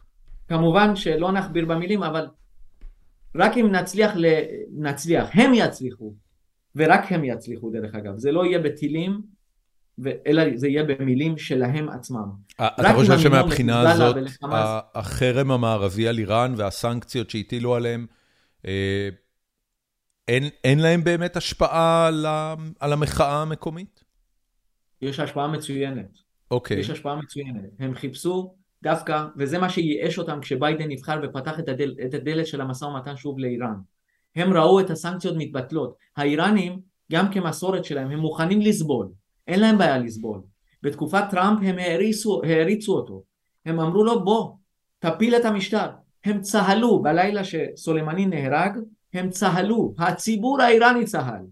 אתה אומר רגע זה גנרל זה גיבור שלהם זה ה... זה ה... לא, הוא לקח במשוואה מאוד פשוטה, הוא פגע בכלכלה האיראנית. לא טראמפ והסנקציות פגעו בכלכלה האיראנית. בגלל, בגלל אנשים כמו סולימני יצא שם רע לאיראן ולכן יש סנקציות. הם מבינים את המשוואה הזאת. Okay. אוקיי. ולכן הם לא מבינים למה ביידן שוב פתח את הדלת. ולמה היום אה, עדיין מדברים בצורה רכה ורפה כלפי איראן. אה, גם כשרואים את המחאה וכולי. ואפילו גולים איראנים חוקרים של הנושא האיראני הלכו לפגוש את בלינקן, אה, את שר החוץ האמריקאי ואת, אה, ואת היועץ המיוחד לענייני איראן כדי להגיד לו תקשיב וזה בדיוק הסיפור האישי שלי גם אנחנו לא שונים ואני פגשתי אותם יום, אה, פעם כשהם היו בארץ. אה, והם, ואחת מהן היא בת כיתתי בדיעבד מתברר שלמדנו בכיתה ב' ביחד. תראה איזה עולם קטן לא יאמן. זה, זה פשוט מטורף. והם אמרו לו, להם באופן שכלתני תשחררו את איראן ובעצם תשחררו את העולם. איראן היום היא תחילת הדומינו מול רוסיה, תראו מה קרה עם הכטב"מים האיראנים ברוסיה, ואני כן, לא אכביר כן, על זה כן, במילים. כן, נכון. הרוע מייצא את עצמו ומתפשט. ואם נפסיק את המעגל הזה, המעגל יישבר וגם הרוסים אה, יורתעו והסינים יורתעו. זה, קשה לי להסביר את זה על רגל אחת, אבל הרעים מחוברים אחד לשני. טוב. צריך להפסיק את המעגל. אמ, יש לי אה, שלל שאלות מהמאזינים שלנו. אה, כמו ששמעת, אה, פרסמתי בפורום שלנו, פורום החיים עצמם של גיקונומי בפייסבוק, אה, שאתה הולך להתארח, והיו שלל שאלות, אז ברשותך, את הדקות האחרונות שלנו נבלה על זה. כן.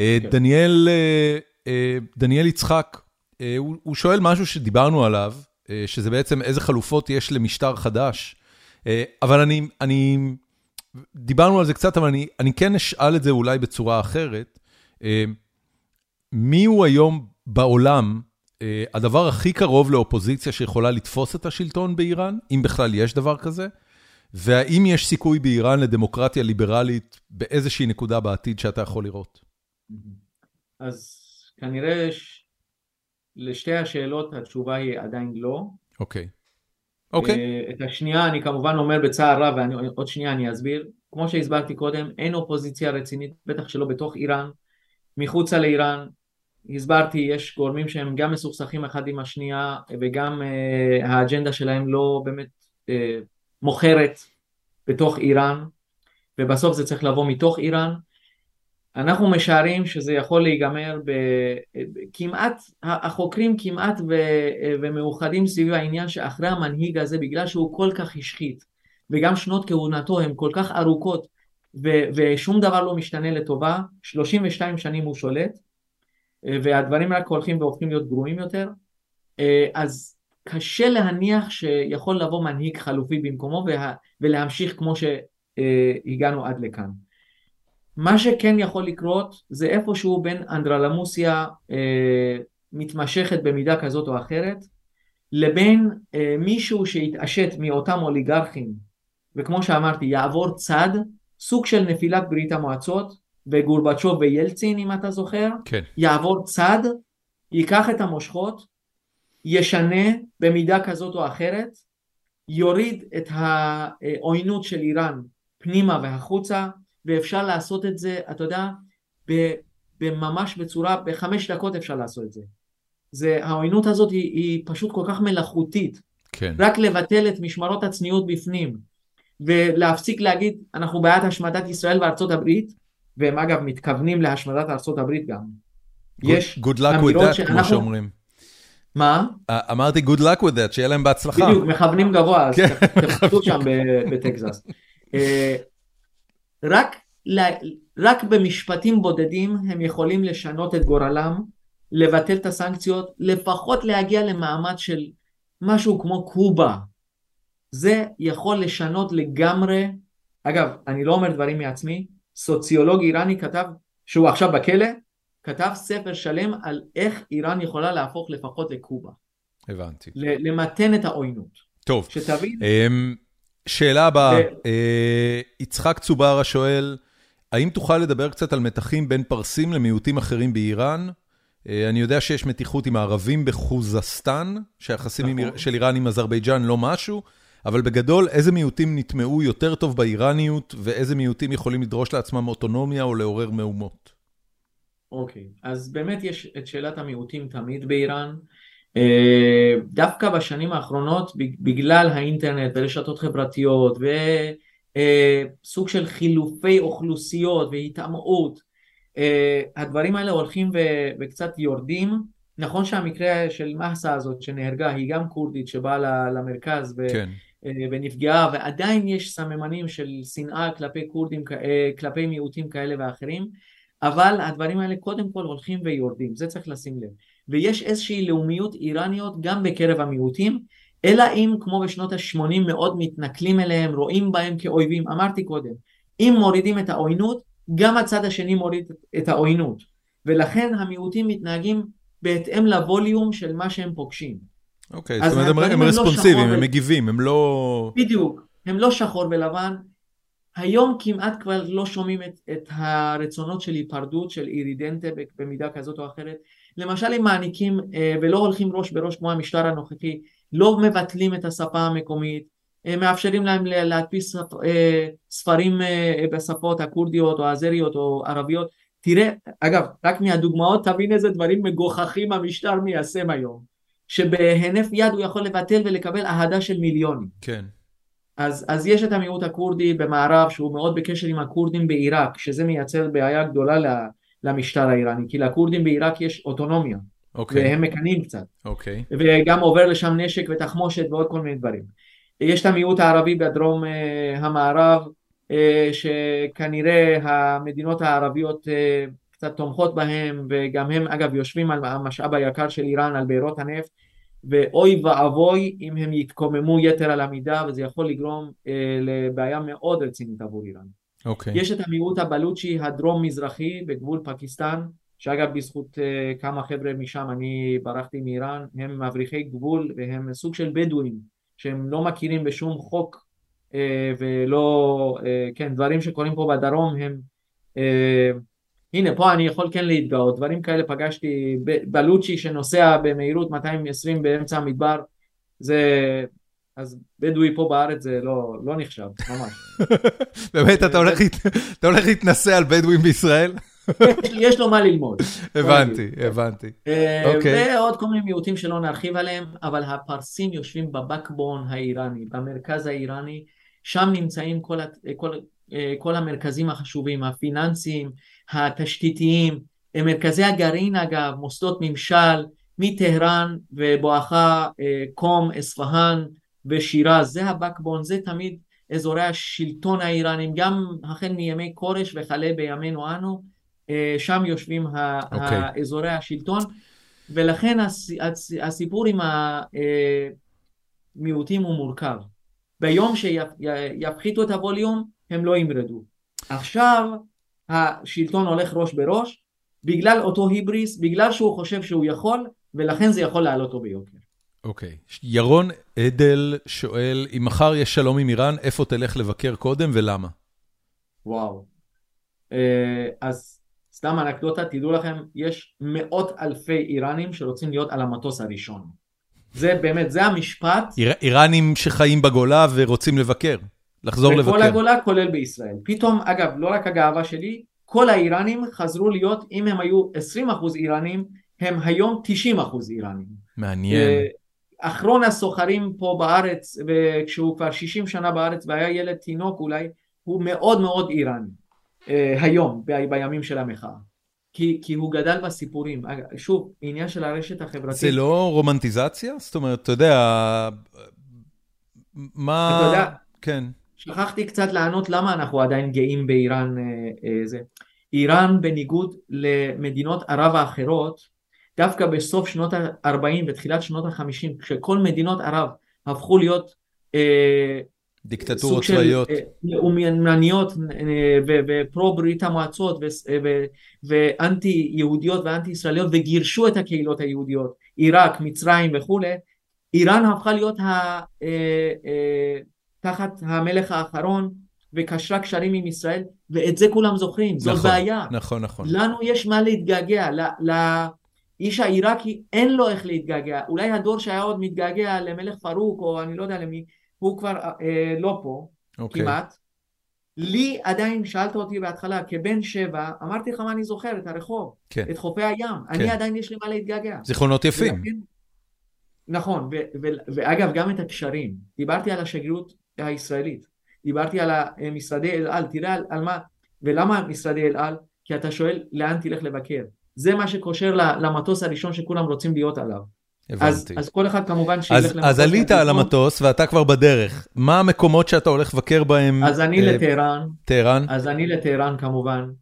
אה, מה, downtown אה, אה, לאוניברסיטה, לראות את הסורגים שוב? בדיוק, לראות את הס... וואי, כל כך קלעת, כל כך קלעת.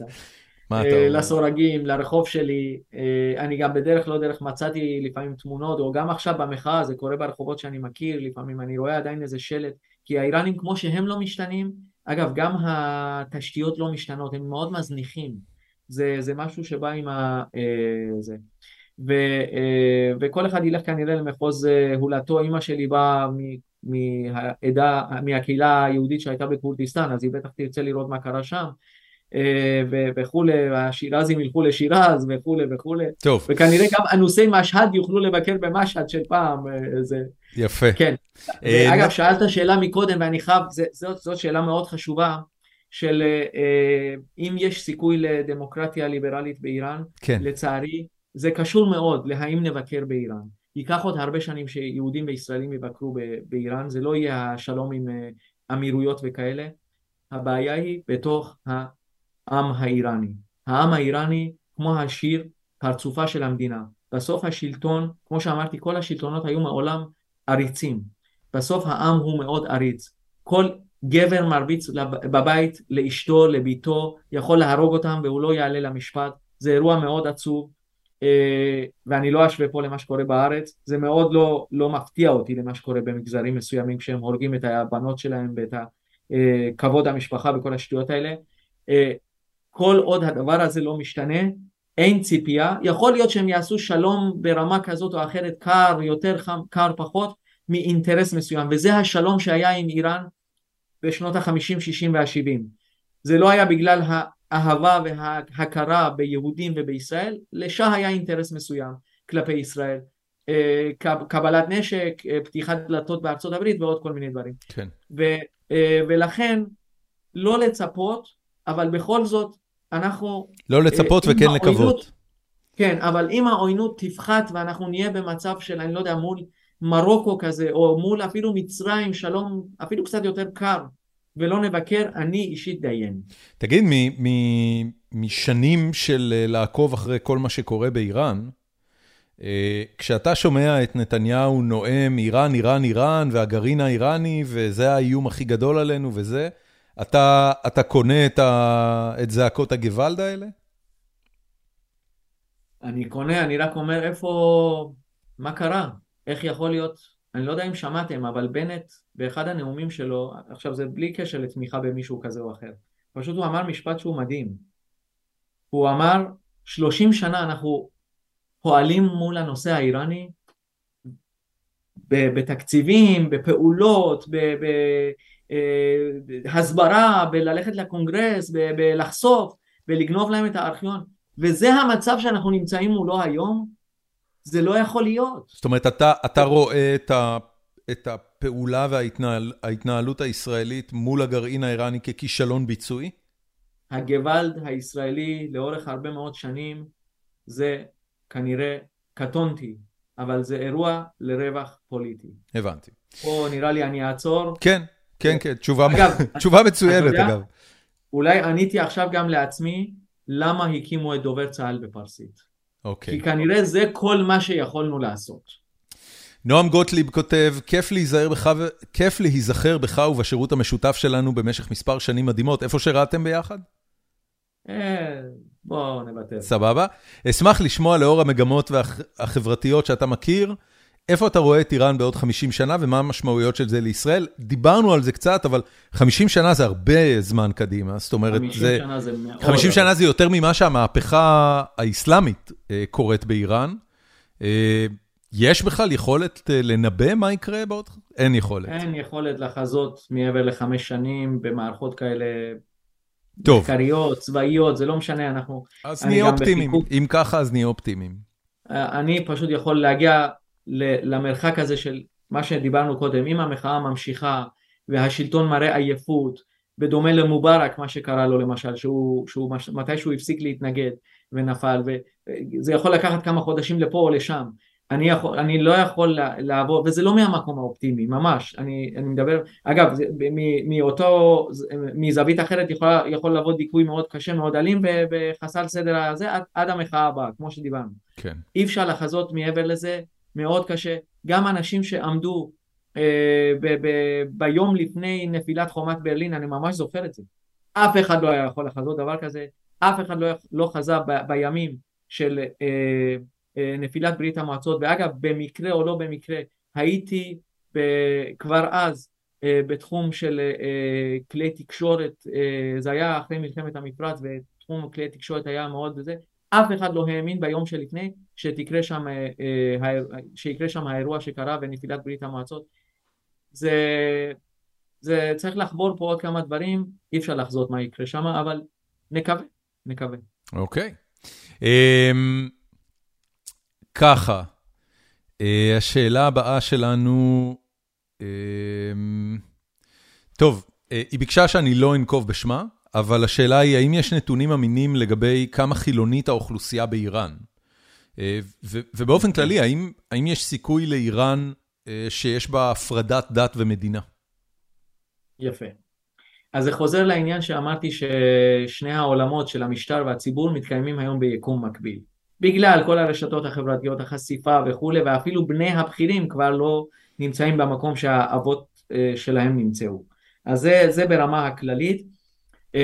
ברמה של מספרים, אפשר שוב להזכיר את הבחירות לנשיאות שהיו, אה, שרק 40 אה, אחוז באו לבחור אה, בבחירות לנשיאות ורק מחציתם, כלומר 20 אחוז מכלל הציבור האיראני בחר בראיסי איש הדת ולהוביל את הממשלה הזאת. אנחנו רואים הרבה מאוד סממנים של חילון, גם אמרתי מתוך פשרה של המשטר וגם מתוך תעוזה ו... וגירוד הגבול והתגרות בגבולות האלה, אנחנו פוגשים הרבה מאוד תיירים איראנים בחו"ל.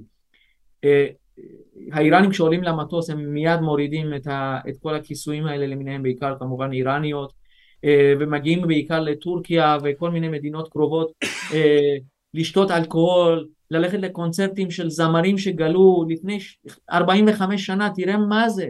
כן. האיראנים עדיין הולכים לאנשים שהם היו צעירים בני 25 שעזבו את איראן והזמר היום הוא בן 70. נוסטל... והוא עדיין שר את אותם נוסטלגיה זה דבר מאוד חזק, מאוד מאוד מאוד חזק.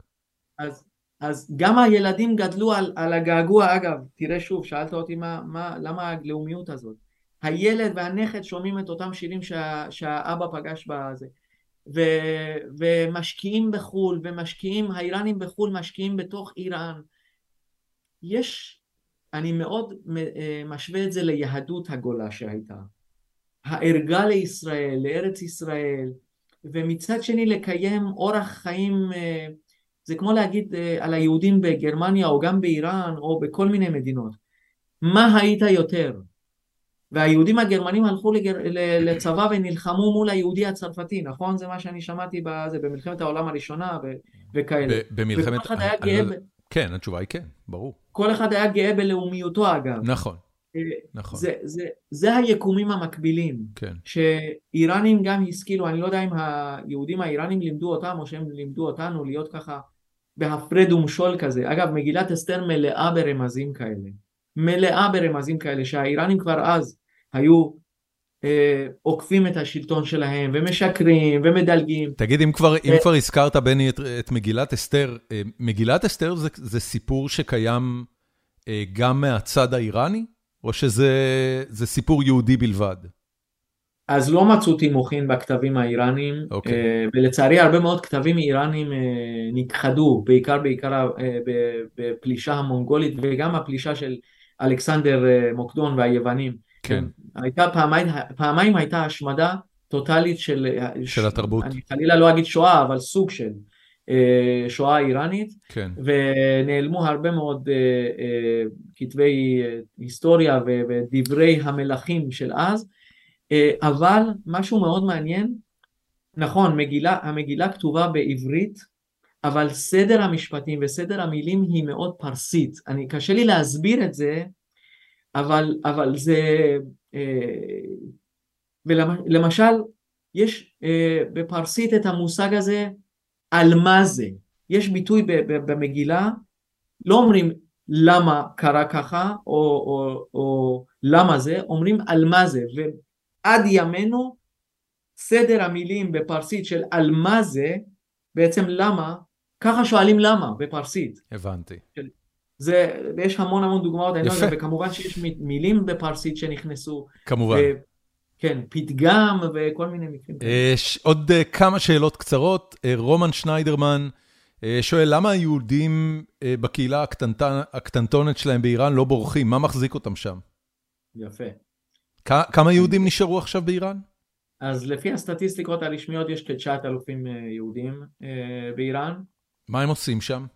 אני חושב שזאת עוד הוכחה לאהבה וללאומיות האיראנית, ואגב זה לא רק הזקנים האחרונים שנשארו, בסדר? זה צעירים והם מתחתנים ומולידים ויכולים לגשת לאינסטגרם של הרב הראשי של איראן ולראות חתונות שהוא מחתן ועושה כל מיני טקסים.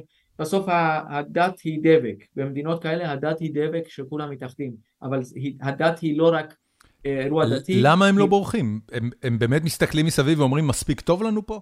תראה, הם, אה, זה קצת דומה ל, לרוסים לצערי, הם קצת שומעים אה, סיפורים אה, פחות טובים על, על נגיד דברים שקורים בארץ, אולי זה מפריע להם כל הנושא של האלימות פה וטרור.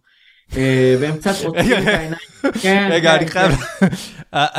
אז משפחה יהודית באיראן, שבה משמרות המהפכה יכולות לפוצץ במכות את מי שהם רוצים בתוך ון שאף אחד לא ידע עליו יותר. מסתכלות בחדשות ואומרות, ישראל זה מקום משוגע, אנחנו לא נעבור לשם? זה, זה, זה רציני? אתה רוצה לשמוע משהו יותר גרוע? אוי. משהו יותר מהמם? יש יהודים שהצליחו לבוא, לבקר פה בארץ, בדרך עקיפה, ולחזור. ואמרו, אוקיי, המקום הזה משוגע מדי בשבילנו. יש לפעמים לא סיכונים, האיראנים לוקחים על עצמם לא רק היהודים. אוי, גדול. אגב, זה גם קצת, קצת כמו העלאת המחירים בשיחות הגרעין. לפעמים האיראנים עושים דברים שאתה לא, לא מעלה על דעתך. למשל עמידה מול סדאם ולא להיכנע במלחמה שמונה שנים ולקפוץ על מוקשים, נכון זה נשמע התאבדותי, הם, הם לפעמים עושים דברים שהצד השני אומר, אלוהים איך, כאילו הם לא מבינים את הרמז, כאילו מה, כאילו, באיראן אחד ועוד אחד זה, 20 לפעמים. טוב. אה, אני, אני, אני רוצה להתקדם עוד uh, uh, כמה שאלות. אז, אז הקהילה, במשפט אחד, הקהילה מתאימה את עצמה. היא משמרת מוסדות, היא משמרת כל מיני דברים, והיא מנסה לחיות גם תקשיב, אני, יותר... אני, אני חייב להגיד לך, בני, אני מקשיב לך, ואם הייתי צריך לענות במקומך לשאלה הזאת על הקהילה היהודית, הייתי אומר בורות ופחד, זה כל מה שאתה מתאר לי. נכון. אתה אומר נכון. לי בורות ופחד. ובמילה אחת, בשנים של אחמדינג'אד דווקא היה, לא, לא נכביר, אבל דווקא ליהודים היה קצת יותר נוח לחיות שם, זה מאוד מוזר. כן, זה קצת השתפר. והיו כאן יהודים בארץ, שקצת, לא יודע מה, נעלבו מאיזה אירוע כזה או אחר בארץ, לא ורצו יאמן. לחזור לאיראן בתקופת אחמדינג'אד. ליאור טפר שואל, האם יש תוכניות של הממשל לטיפול בבעיות המים הקשות באיראן? אה, מה עם בעיות המים הקשות באיראן, אתה יודע?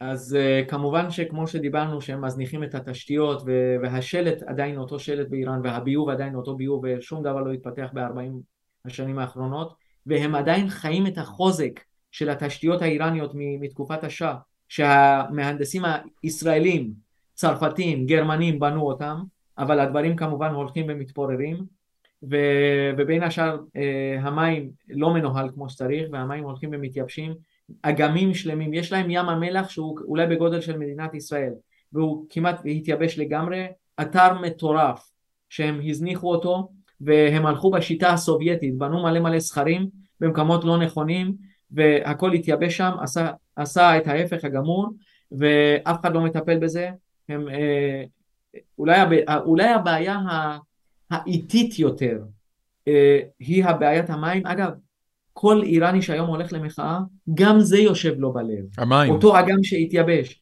הם, הם יודעים על מה הם מוחים, כל אחד מוחה, אגב מיעוט אחר שלא דיברנו עליו, האזרים שיושבים בצפון מערב מול המדינה אזרבייג'אן. שם, יוצ... שם נמצא הים המלח הזה, ואגם אורמיה. ו, וכל אחד בוכה על, על הבעיה שלו. ואגב, ההמנון של המחאה... יש איזה תוכנית לאומית לטפל בזה? זאת אומרת, הממשל מודע לזה דבר. שהמים אה, הולכים ונגמרים במדינה? שום דבר. כלום, שום הבנתי. דבר. טוב. אנקדוטה קטנה, כן. אחת, אחד הדברים שדווקא ביבי עשה, וזה כן תפס הד מאוד גדול, אבל כמובן שהאיראנים לא ירימו את הכפפה, הוא עשה פעם סרטונים שפנו לעם האיראני. והסרטון הראשון, שגם לי קצת היה יד בזה כחוקר איראן וככה קצת כמבין בתקשורת אה, האיראנית, אה, עשינו סרטון שפונה לעם האיראני ואומר אנחנו מבינים בבעיית מים, אם אתם רוצים נבוא נפתור לכם את הבעיה. כן. וזה התפוצץ ברשת, אפשר ללכת לחזור לראות. כן, כן. וואו, אוקיי. כן. ומה הייתה התגובה, איך הם מעיזים, אנחנו נטפל בזה אה, לבד, או למה לא? זאת אומרת, מה... כן, המשטר לעג לנו, אמר אנחנו לא צריכים אתכם, מי הם בכלל? הציבור מאוד אהד את זה, היו על זה אה, הרבה מאוד שיח אה, לא היה פודקאסטים אבל היה סוג של אה, אני זוכר אה, סרטוני יוטיוב המון דיברו על זה. יש איזה אחד גולה שבא בארץ ודיבר על זה וביקר בנושא וממש אגב ושוב אנקדוטה שגם מראה עד כמה אנחנו היינו כל כך מושרשים שם ומכירים לנו בכל זאת תודה. עד היום הצינורות של הטפטפות של המים בגינות ובתחום החקלאות שהישראלים הביאו אותם בשנת 63 לחקלאות האיראנית ושם מתפתח השיתוף פעולה בינינו. שמה זה, של נטפים? בדיוק. הצינור, אם אתה מחפש את זה באתרי uh, תחום הגינון וחקלאות באיראן, זה נקרא הצינורות הישראלים לטפטוף. המילה וואו. ישראלי נמצא במילה. אז, אוי אוי אוי. אז שתבין. וזה מראה על תו תקן. אז... אה, אתה, ואולי אתה, גם אתה אומר אסור להזכיר למה... את ישראל בשום מקום חוץ מאשר בגינון. כן, כשלא, אבל זה קצת, אתה יודע, זה קצת כמו הילד העזתי שבא ומתרפא בהדסה. כן. ואין לו בעיה חמש דקות אחרי זה לזרוק אבן. אם את זה כן. תצליח להסביר לי, למה ילד עזתי, אני קצת מתרעם על זה כי... אה, לא חשוב. אל תתרעם על זה. אה, אל תתרעם על זה. אבל... ישראל אה, מדינה ריבונית, חילונית, ליברלית, שוחרת שלום. כשילד עזתי צריך טיפול רפואי, אז נותנים לו את הטיפול הרפואי. אני בעד, אבל, אבל הוא צריך ללכת אחר כך לדרוש מה... הוא לא צריך של... לעשות כלום, הטיפול הזה מגיע לו מתוקף היותו תושב בשטח שמדינת זה, ישראל שולטת נכון, בו. זה נכון, לא, לא נכביר בזה. ו- ואנחנו רוצים להיות אומה לא שמקובלת על העמים. זה, הסיפור של הילד העזתי הוא בכלל לא קשור בעיניי לילד העזתי, הוא קשור למה מדינת ישראל רוצה להיות, או אה, איך מדינת ישראל רוצה להתקבל בקרב עמים אחרים. זה הסיפור פה. לא, לא, אני, אני, אני, זה, זה חוזר לעניין של השינוי יבוא מתוך איראן, או איזה שלטון יהיה להם. אני אומר, אם האיראנים יחליטו בעצמם לשנות ולהשתנות, יבוא להם השינוי. כן. וגם, אה, אני מייחל שגם העם העזתי ירצה שינוי, ואני מאמין שה, שהעם בישראל ירצה אה, ללחוץ לו את היד ולעשות שלום ולוותר, והם יוותרו. באמת, אפשר לעשות פה גן עדן, רק שכל אחד קצת יחשוב על האדם שבו. זה מה שאני מאחל. יפה. זה לא מהמקום שלא יבוא ויתרפא, ממש זה, לא מהמקום. זה מסר מעולה אה, לסיים איתו. בני, תקשיב, ממש ממש תודה. אגב, לא שאלתי אותך בהתחלה, אבל את שם המשפחה שלך, סבתי, סבתי? סבתי. סבתי. וזה... מה זה סבתי?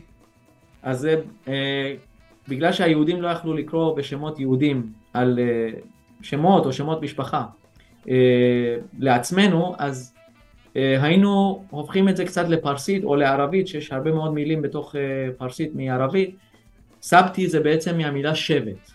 אוקיי. אה, שבטים, זה, התרגום של זה זה סוג של שבטים או משהו כזה. ובני, אתה, אתה נולדת בנימין או שהיה לך שם אחר? לא, ארמין. ארמין, ארמין זה... סבתי, ככה נולדת. נכון. מה זה ארמין? דיברנו על עניין של עקיפה, הסתרה. כן. היה צריך להסתיר. גם בתקופת השעה לא היה כדאי להיות יהודי ככה בפומבי. ו... הבנתי. ולכן, כן. בני, תודה רבה רבה לך. זה היה ממש מאלף. תודה. והמון בהצלחה.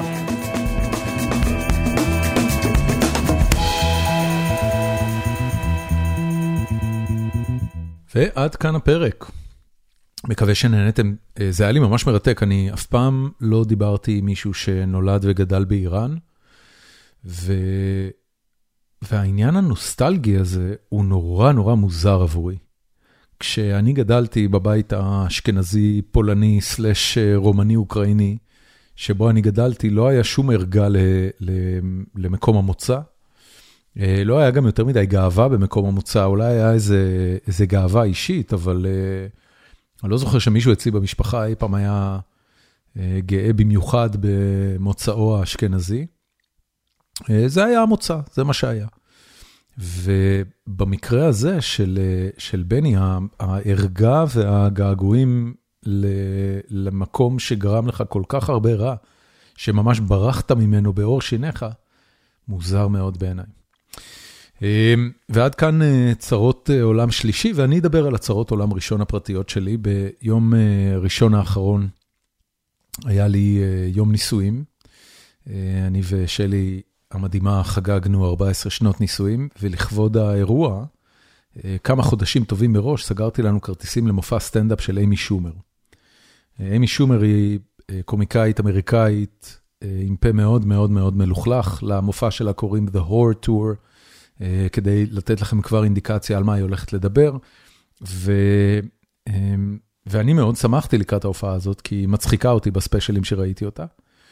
ו...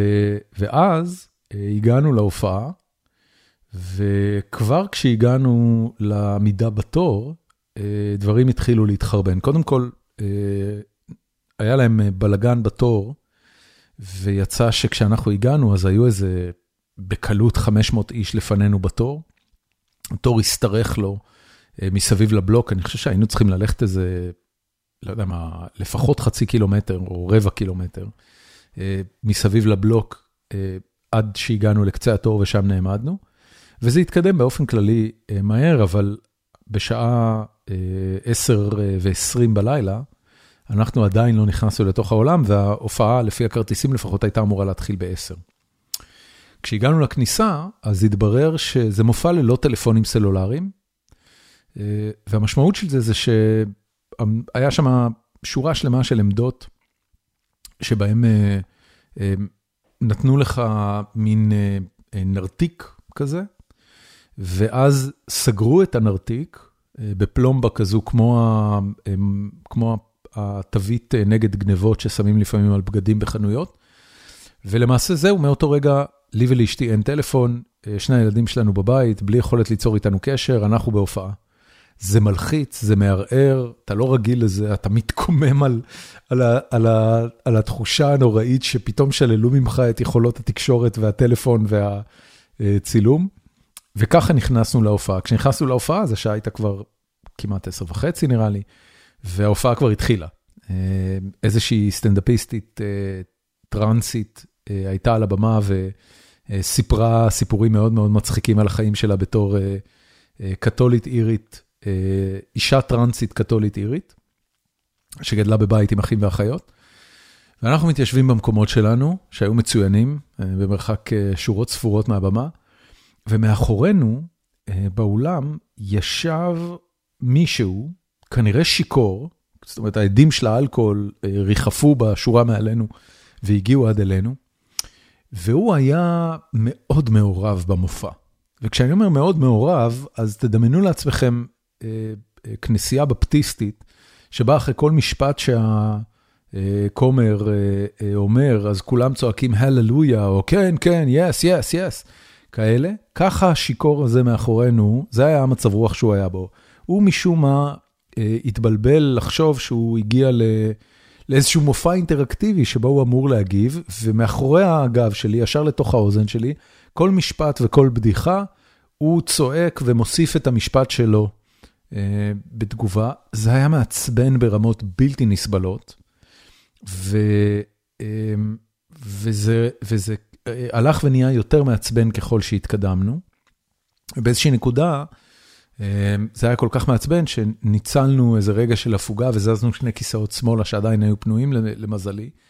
והוא כבר לא צעק לי בתוך האוזן, אבל עדיין שמעתי אותו מקצה השורה, וניסיתי להסתכל אחורה לראות במי מדובר, ולא הצלחתי אפילו לראות את תווי הפנים שלו, אם הוא, כאילו לרגע הרגשתי שאולי הוא לא בסדר לגמרי. בקיצור, זזנו שני אה, כיסאות הצידה, ואז זה כבר לא היה הבעיה שלנו.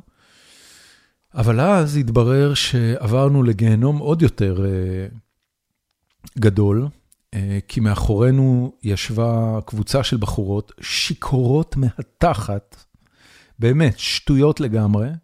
אה, אדי האלכוהול אפילו היו יותר גרועים מאשר עם הבחור ההוא, במושב ההוא. ו... ואז הגיעה ההופעה של אימי שומר.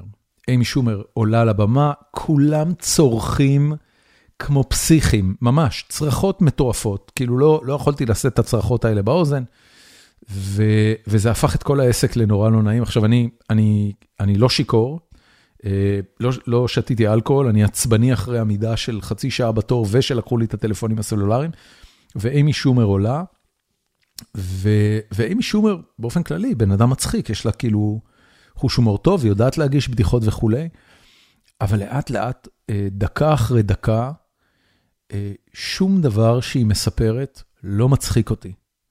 היא מדברת על הרגלי השתייה שלה, וזה לא מצחיק אותי. אני לא בן אדם שאוהב לשתות אלכוהול, אלכוהול לא עושה לי טוב, להיות שיכור לא עושה לי כיף, וזה לא עניין אותי בכלל.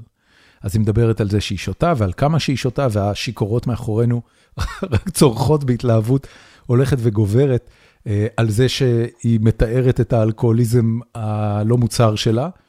והן מאחורה כנראה גם נהנות מאותו תחביב, אז, הן uh, צורכות גם כן.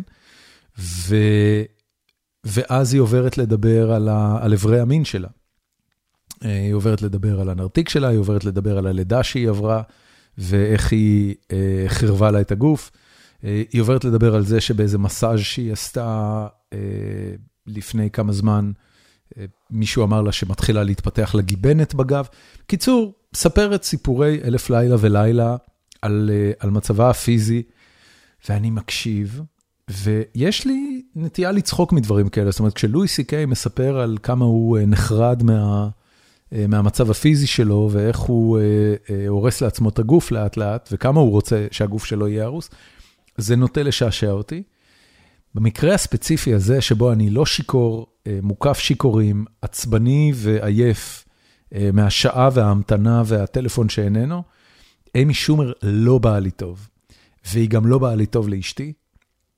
וחצי שעה לתוך ההופעה פחות או יותר, אמי שומר עלתה ב-11, איפשהו ב-11 וחצי אנחנו שנינו מסתכלים אחד על השני, ואולי נחתוך, אולי אה, נציל את שאריות הערב הזה אה, מה, מהזוועה הזו.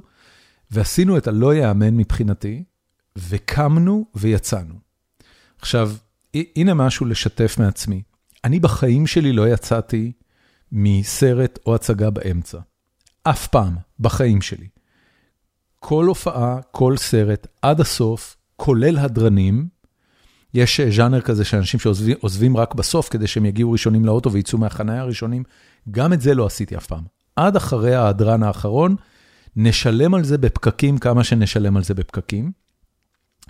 זאת פעם ראשונה בחיים שעשיתי את זה, וזה היה מלווה גם בתחושת שחרור מאוד מאוד גדולה. זאת אומרת, הכסף כבר הלך, הערב כבר הלך, לפחות נציל את שארית הכבוד העצמי והזמן שיש לנו. ו... ובו זמנית אמרתי לעצמי, יאללה, תראה איך אתה מזדקן. תראה איך אתה מזדקן. אתה לא מסוגל אפילו לשבת עד הסוף למקרה שהבדיחה האחרונה שלה תהיה בדיחה טובה ויהיה שווה לעשות את זה. והמחשבה הזאת נשארתי איתה ככה עוד איזה שעה לאחר מכן, אבל אה, לא הצטערתי שוויתרנו, צריך גם להגיד שרוב החומר שהיה לה בהופעה זה חומר שכבר הכרנו מספיישלים והופעות ציבוריות אחרות שלה. קיצור, אמי שומר ביאסה אותנו ביום הנישואים שלנו, מזל שלפני זה הייתה ארוחה טובה שנהנינו ממנה. ואלה צרות עולם ראשון, פר אקסלנס, לא מחאת החיג'אב ולא גרעין איראני ולא אנשים שזכויות האדם שלהם מקופחות על בסיס יומיומי וחווים אלימות, סתם מחאה קטנה ומטופשת של בן אדם פריבילגי ועשיר אי שם במרכז ארצות הברית. ויש לי רק עוד דבר אחד להגיד על זה, הרבה פעמים אני רואה ברשתות חברתיות, אמ, כשמתארים כל מיני תופעות אה, מגונות בארצות הברית, אה, דברים שקשורים להפלות, דברים שקשורים לעניינים אחרים, אז אנשים כותבים אה, בתגובות, ארצות הברית הולכת ונחרבת, המדינה הזאת היא אומה בשקיעה ועוד כל מיני דיבורים כאלה. תנו לי להגיד לכם משהו, חבר'ה, ארצות הברית היא לא אומה בשקיעה. האנשים שחיים פה חיים כנראה את החיים מהטובים שאפשר לחיות כבן אנוש על גבי הפלנטה. וזה לא בא לידי ביטוי רק בצרות עולם ראשון שלי, זה בא לידי ביטוי בזה של אה, אה, רוב מכריע בארצות הברית, אה, ורק הולך וגדל, יש צרות עולם ראשון לפני שיש להם צרות עולם שלישי. אז זה לא שאין עוד מה לטפל, וזה לא שהעבודה הסתיימה, אבל, אבל הכל בסדר. ועד כאן החפירה שלי להיום, תודה רבה שהאזנתם לי, תודה רבה שהאזנתם לכל הפרק, ונתראה בפרק הבא.